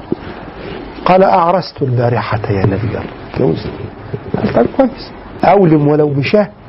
ادفع حاجة بقى لإخوانك الايه الفقراء. ذلك عبد الرحمن عوف كان غني جدا لدرجة أنه كان عنده من العبيد نحو ألف.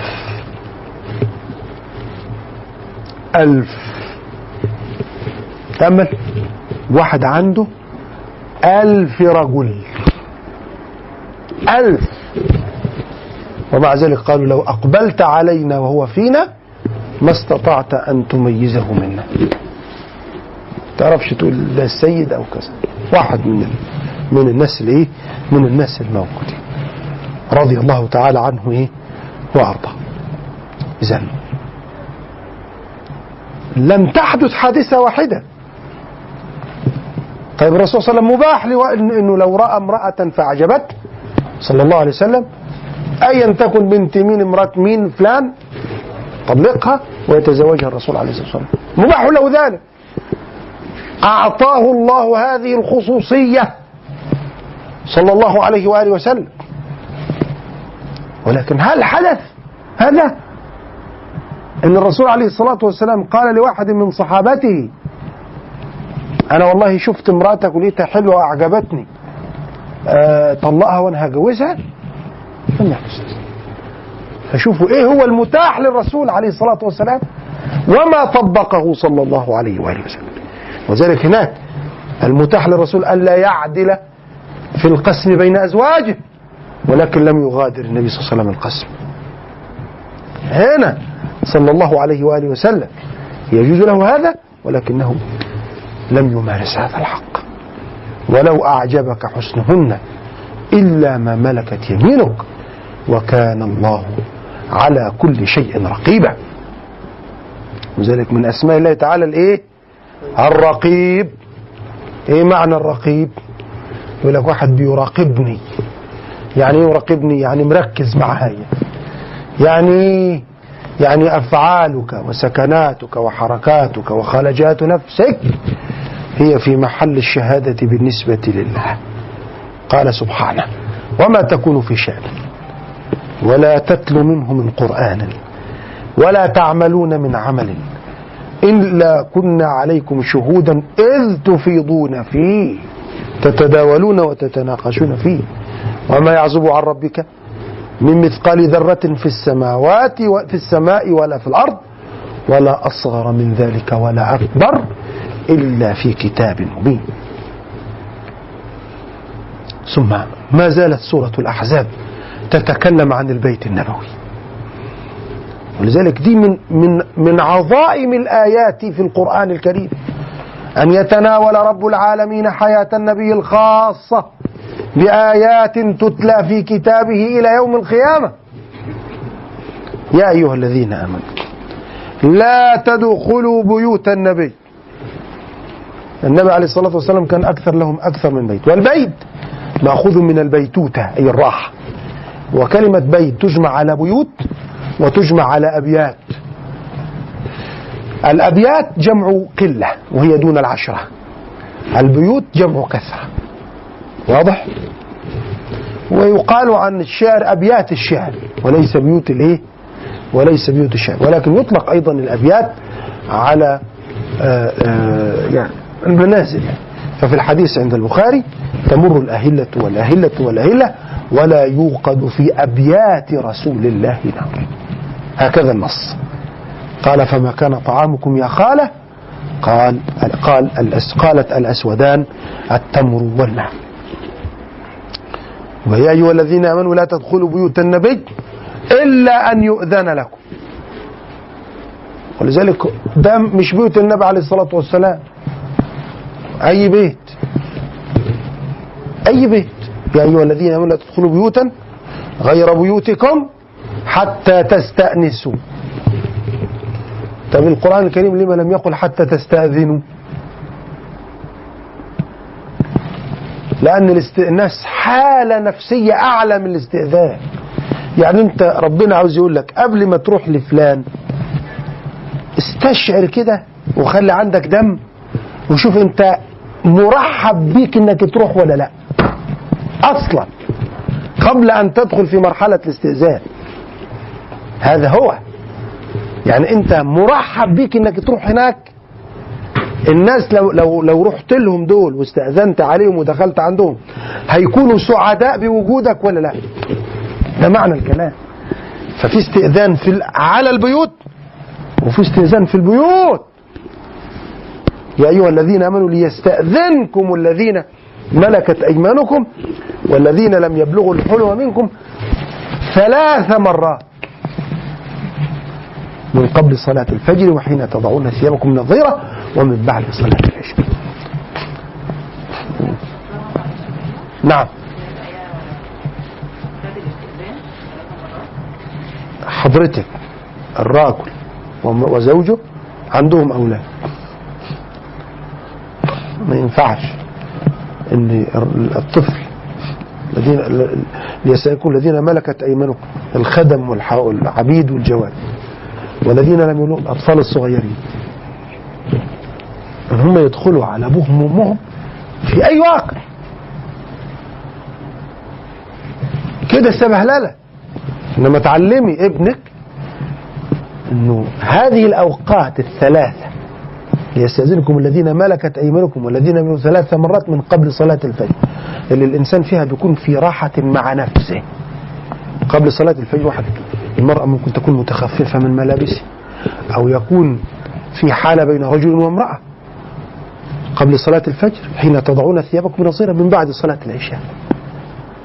العيل قبل ما يخش يستأذن. طب الكبار اللي هم فوق السن يستأذنوا على كل حال. بس ده استئذان فين؟ في البيوت في البيت نفسه. لأنه كم في هناك بعض الصور بتنطبع يا جماعة في أذهان الأطفال الصغيرين من بعض الآباء والأمهات الذين لا يحتاطون لأنفسهم. واضح هذه النقطة؟ طيب. يا أيها الذين آمنوا لا تدخلوا بيوت النبي إلا أن يؤذن أذن لكم أنا جبت لكم سورة الراجل اللي هو إيه؟ عيينة بن حصن ده؟ عيينة بن حصن. آه اللي دخل دون أن يستأذن. إلا أن يؤذن لكم. تدخل بيت النبي لما يأذن لك. وطبعا بيوت النبي صلى الله عليه وسلم ربنا اتكلم عنها كتير. مثلا واحد من الأعراب الأجلاف يأتي يا محمد يا محمد يا محمد. فربنا يقول له يا أيها إن الذين ينادونك من وراء الحجرات أكثرهم لا يعقلون. مفيش عقل. زي واحد مثلا راكب السيارة بتاعته وفاتح ال- ال- الراديو أو كذا بصوت عالي جدا. ليه كده؟ الضوضاء والضجيج ده ده يدل على عدم العقل. مفيش عقل. إذا إلا أن يؤذن لكم. ولذلك ربنا سبحانه وتعالى قال وإن قيل لكم ارجعوا فارجعوا. وإحنا في العصر الحديث ده ربنا من علينا. قبل ما أروح لواحد عند بيته بتصل عليه. أبعت له رسالة. أقول له والله متاح.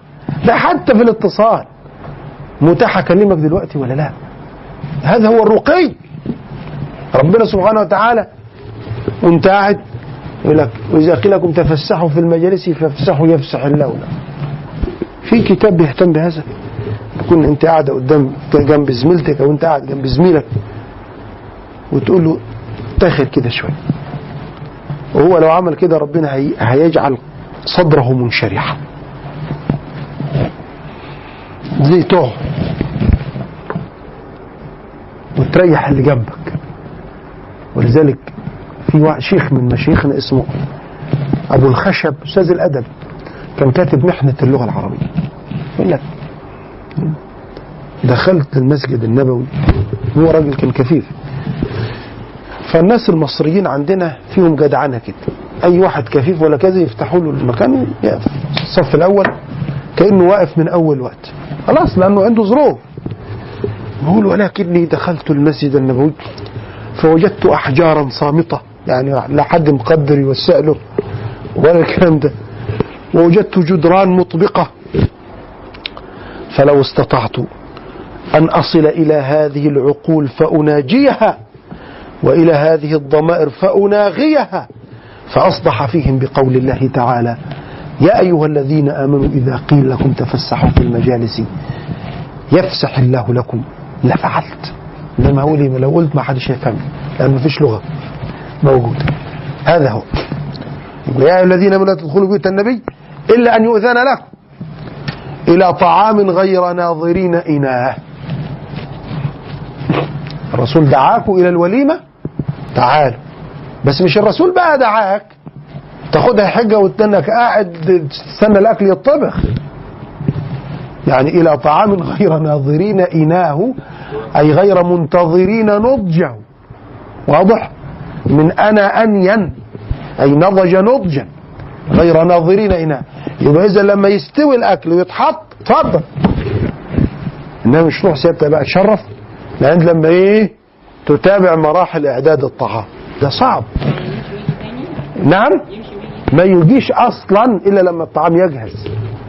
آه يعني أنت لو لو الرسول دعا على على أكل. مش لو دعاه لو أنت دعيت أي حد. يحضر في وقت الإيه؟ في وقت وجود الطعام. إنما ولذلك الدعوات شرفنا الساعة 2 شرفنا الساعة 3 يبقى في في ميقات في وقت أهو. إنما إيه؟ طب واحد انت قلت له شرفنا الساعة 2 فجالك الساعة 12 طب أنا هتعامل معاه إزاي؟ أنا في الوقت ده عندي أشغال أو أشياء بدي أعملها. وهو مش هيستفيد بهذا الوقت. ده العظمه غير ناظرين. ودي سببها إيه؟ إن الرسول أولم في زواج السيدة زينب بنت جحش. فالصحابه كلوا اللي مشي مش قعد ثلاثة بقى معسكرين فيه. قعدوا إيه؟ يتسامروا ويتجذبوا إيه؟ أطراف الحديث. طب الرسول ده عريس عاوز يدخل على زوجه يا جماعة ولذلك أنا لما أدعى في الأفراح لا أذهب إلى واحد في يوم عرسه. ابدا. أقول له أنا أجي لك آه واهنيك قبل العرس. تدخل إمتى؟ والله يوم الخميس. أروح له يوم الاربعاء يوم الثلاث. أو بعد العرس. أنا مشغول بنفسي. هروح أنا أشغله ليه؟ هذا هو. والدعوة إلى الطعام هذه من السنن. لذلك في في بعض السلبيات بتحدث إن واحد لما يدعو يدعو واحد إلى الطعام طعام الوليمه وكذا يستنكف يقول لك أنا عشان اكل الرسول صلى الله عليه وسلم قال من دعي إلى وليمة ولم يجب فكأنما عصى الله. لازم نأكل طعام بعضينا. لابد ليه؟ لأنه أكل الطعام ده يريح القلوب. يبقى فيه ود وتقارب بين الناس. لذلك سيدنا إبراهيم لما وضع العجل الحنيذ أمام الملائكة فلما رأى أيديهم لا تصل إليه نكرهم أنكر عليهم ذلك وأوجس منهم خيفة. لأنه بيعود عليك بالاتهام هو مش عاوز يأكل عندي ليه هو بيرى إن أنا فلوسي حرام هحط له السم في الأكل إلى آخره. يبقى يا أيها الذين آمنوا لا تدخلوا بيوت النبي إلا أن يؤذن لكم إلى طعام غير ناظرين إناه. شوف حضرتك بقى السؤال اللي تسأليه. ولكن إذا دعيتم فادخلوا. اتفضل كل اتفضل طب الأمر هنا لإيه؟ للوجوب. الرسول دعاك للطعام تلبي على طول. فادخلوا. وإيه ولكن إذا دعيتم فادخلوا. فإذا طعمتم فانتشروا. أنت كلت امشي يا أخي. وسع لغيرك زي ما بيقول إن واحد أكل وقاعد طب هنعمل إيه بقى؟ ها؟ فإذا طعمتم فانتشروا ولا مستأنسين لحديث. وذلك الثلاثه دول أحد الرسول صلى الله عليه وسلم عاوز محروج وهو حيي وأشد حياء من العذراء في خدرها صلوات ربي وسلامه عليه. فلف على نسائه كلهن في يوم زينب. كل واحد له ما بك كيف وجدت زوجك يا نبي الله؟ هو الرسول صلى الله عليه وسلم يعني عاوز إيه؟ يل- يلفت انتباههم إنه يا جماعة توكلوا على الله. امشوا. بس هو حيي صلى الله عليه وسلم. ولذلك في واحد كان كاتب كتاب عنوان اسمه الذوق. لازم يكون في ذوق. قبل ما يطلع المحمول واحد مثلا زارك أو زارك في البيت وحب يطمن على أولاده. يطمئن على اولاده يوم يعمل إيه؟ يقول اديني التليفون لو سمحت. انت حضرتك من باب الذوق تدي له التليفون. يعمل إيه في التليفون؟ السلام عليكم. إيه الأخبار؟ كويسين؟ آه. أنت حضرتك هتكوني فرحانة بكده. إنما بيحكي قصة إن واحد قعد يتكلم في التليفون مكالمة دولية استغرقت راتب صاحب البيت الشهري هذا سارق. هذا لص وذلك الشيخ عبد العزيز البشري شيخ الأزهر كان حاطط جبة وقفطان وطاقية في ظهر الباب. جرس ضرب. يجي لابس على طول. يفتح الباب. إن كان الضيف مرغوبا فيه يقول اتفضل أنا لسه راجع من مشوار. كان الضيف غير مرغوب فيه يقول لك أنا لابس رايح مشوار. هذه القضية لأنه في بعض الناس بترى إنه الشيخ أو الإمام أو الأستاذ أو المربي أو المرشد أو العالم كأنه مقطوع ليه. وعنده تصرف عنده حاجات تانية. فيقعد يسأله بقى. ومن سؤال لسؤال لسؤال لسؤال لسؤال لسؤال صعب. ولذلك المفتي أو العالم ما كانش يضبط وقته يمضغه الناس مضغا. فسيدنا النبي عليه الصلاة والسلام قعد يلف وكل واحدة من النساء تقول كيف وجدت زوجك يا نبي الله؟ هل أنتم بخير؟ هل أنتم بخير؟ هل أنتم بخير؟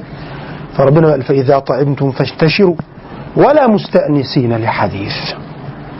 إن ذلكم أي هذا الذي فعلتموه من الجلوس والسمر كان يؤذي النبي. فيست فيستحيي منكم. وذلك الرسول عليه الصلاة والسلام كان أشد حياء من العذراء في خدرها. لم يقل قط لا إلا في تشهده لولا التشهد كانت لاؤه نعم. مفيش حد طلب منه حاجة وقال له لا.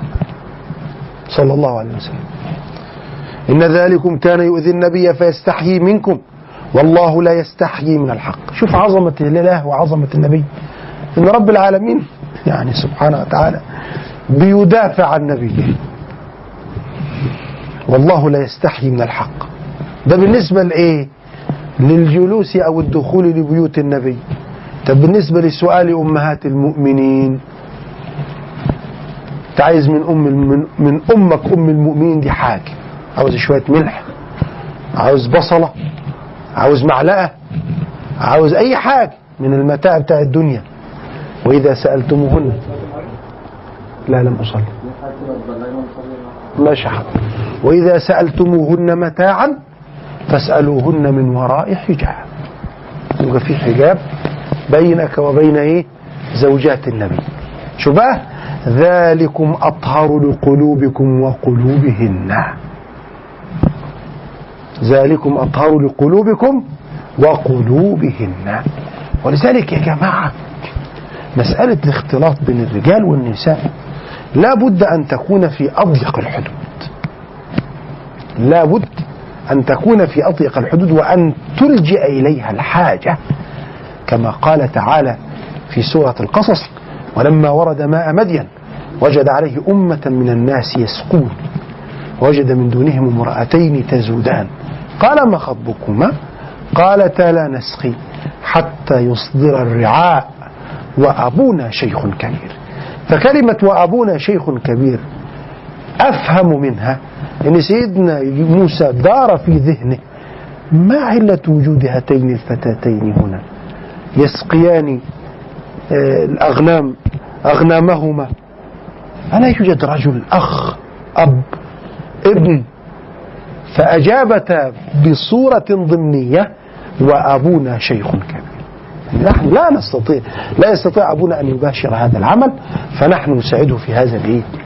في هذا الميدان ذلكم أطهر لقلوبكم وقلوبهن.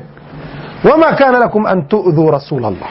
ولذلك هنفصل الكلام بقى في حكاية إيذاء الرسول وإن الإيذاء هنا أو هناك على أي معنى. لأن ربنا قال بعد كده إن الذين يؤذون الله ورسوله لعنهم الله في الدنيا والآخرة.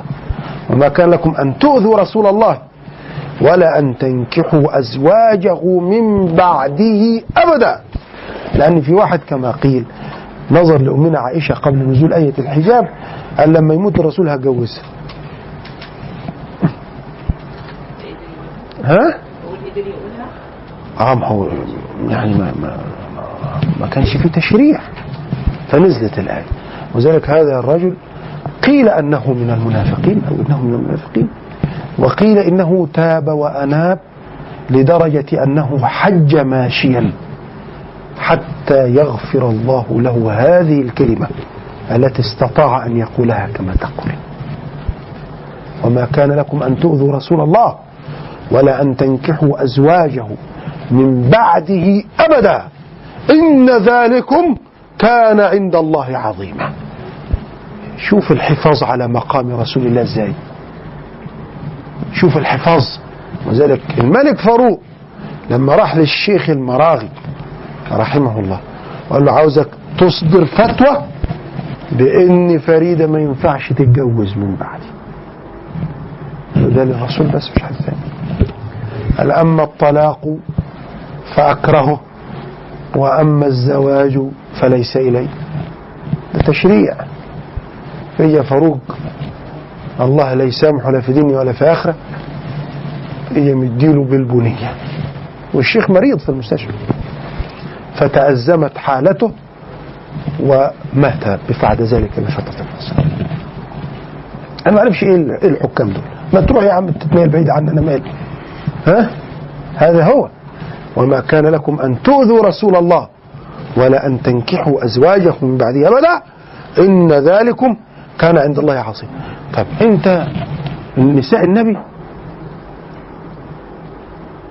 ما ينفعش النبي يتجوز عليهم. خلاص هم دول بس. وما ينفعش تقعد تتسامر في بيت النبي.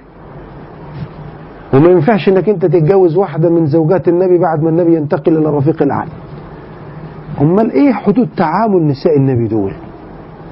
قال لك لا جناح عليه. واحد بقى يقول إيه؟ لا في بقى إن تبدوا شيئا أو تخفوا ان الله كان بكل شيء عليم. يعني أي واحد راح لبيت النبي عليه الصلاة والسلام وفي قلبه شيء ربنا عارف وهيفضحه. فلازم تتعامل مع مقام النبوة بمنتهى الطهر إن تبدوا شيئا أو تخفوه فإن الله كان بكل شيء عليم.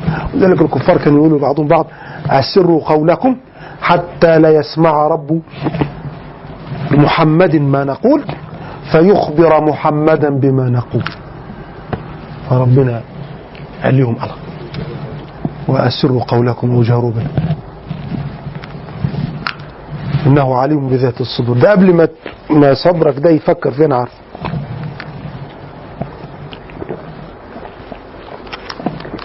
ألا يعلم من خلق؟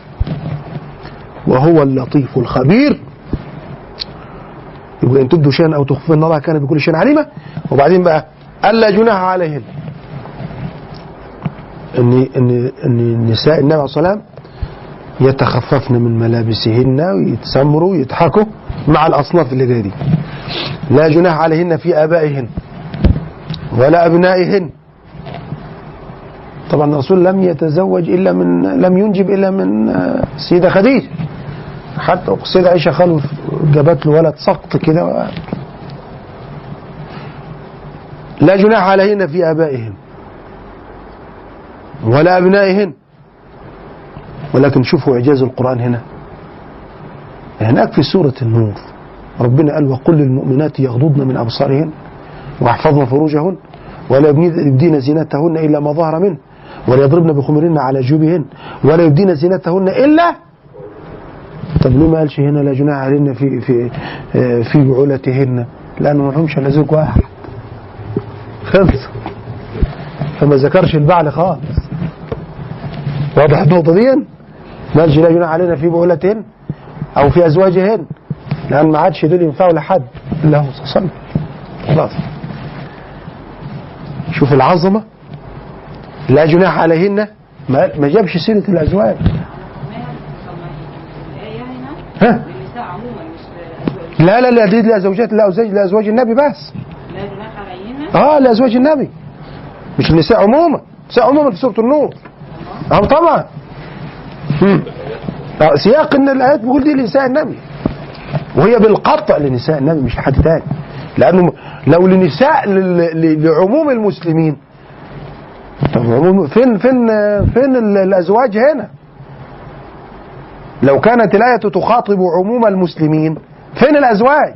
إنما لما كان بتخاطب عموم المسلمات هناك وقل للمؤمنات يغضضن ولا يدين زينتهن إلا لبعولتهن. لأن كل واحدة لها زوج تبديله زينتها. واضح؟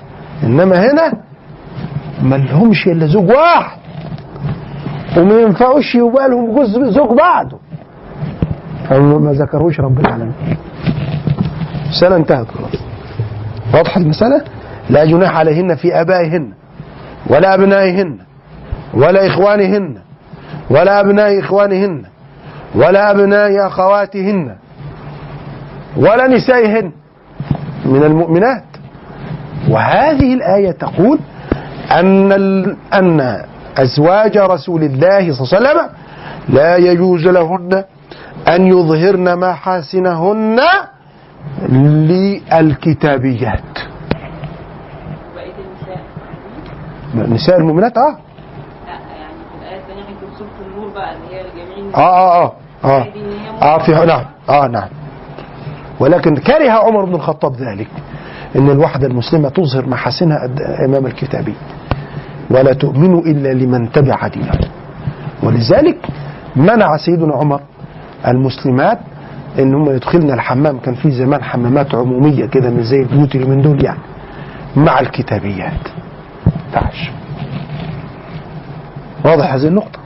يبقى اذا لا جناح عليهن في آبائهن ولا أبنائهن ولا إخوانهن ولا أبناء إخوانهن ولا أبناء أخواتهن ولا نسائهن ولا ما ملكت ايمانهن ملكة أيمان الرجال على رجال ونساء بس خلي بالك معاي.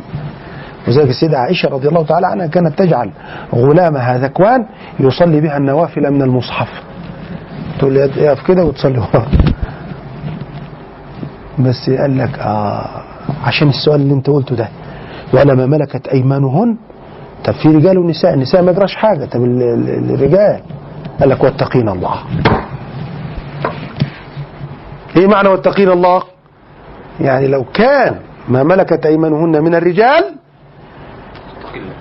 فمن باب الاحتياط واتقين الله ومن باب تقوى الله إن أم المؤمنين آه، تتعامل معه كما تتعامل مع بقية المسلمين. واضح؟ مع إنه منصوص عليه هنا. بس يعقبها رب العالمين إيه؟ واتقين الله. إن الله كان على كل شيء إيه؟ شهيدا. مش شايف بس لا ده شاهد معك. ونتوقف عند هذا الحد الآية 55 ونكمل في اللقاء القادم إن شاء الله. أي سؤال؟ الآيات صراحة هذه كانت غزيرة وهي تحتاج إلى وقت كبير أكبر من هذا بكثير. ولكن هنعمل إيه؟ الحمد لله على كده استاذنك ممكن بس نصلي عشان عندنا درس تاني طيب ماشي. ما فيش أي أسئلة؟ خلاص على بركة الله. هو الدرس الثاني بساعة كام؟ طيب يا دوب نصلي. وصلي اللهم وسلم وبارك على سيدنا مولانا.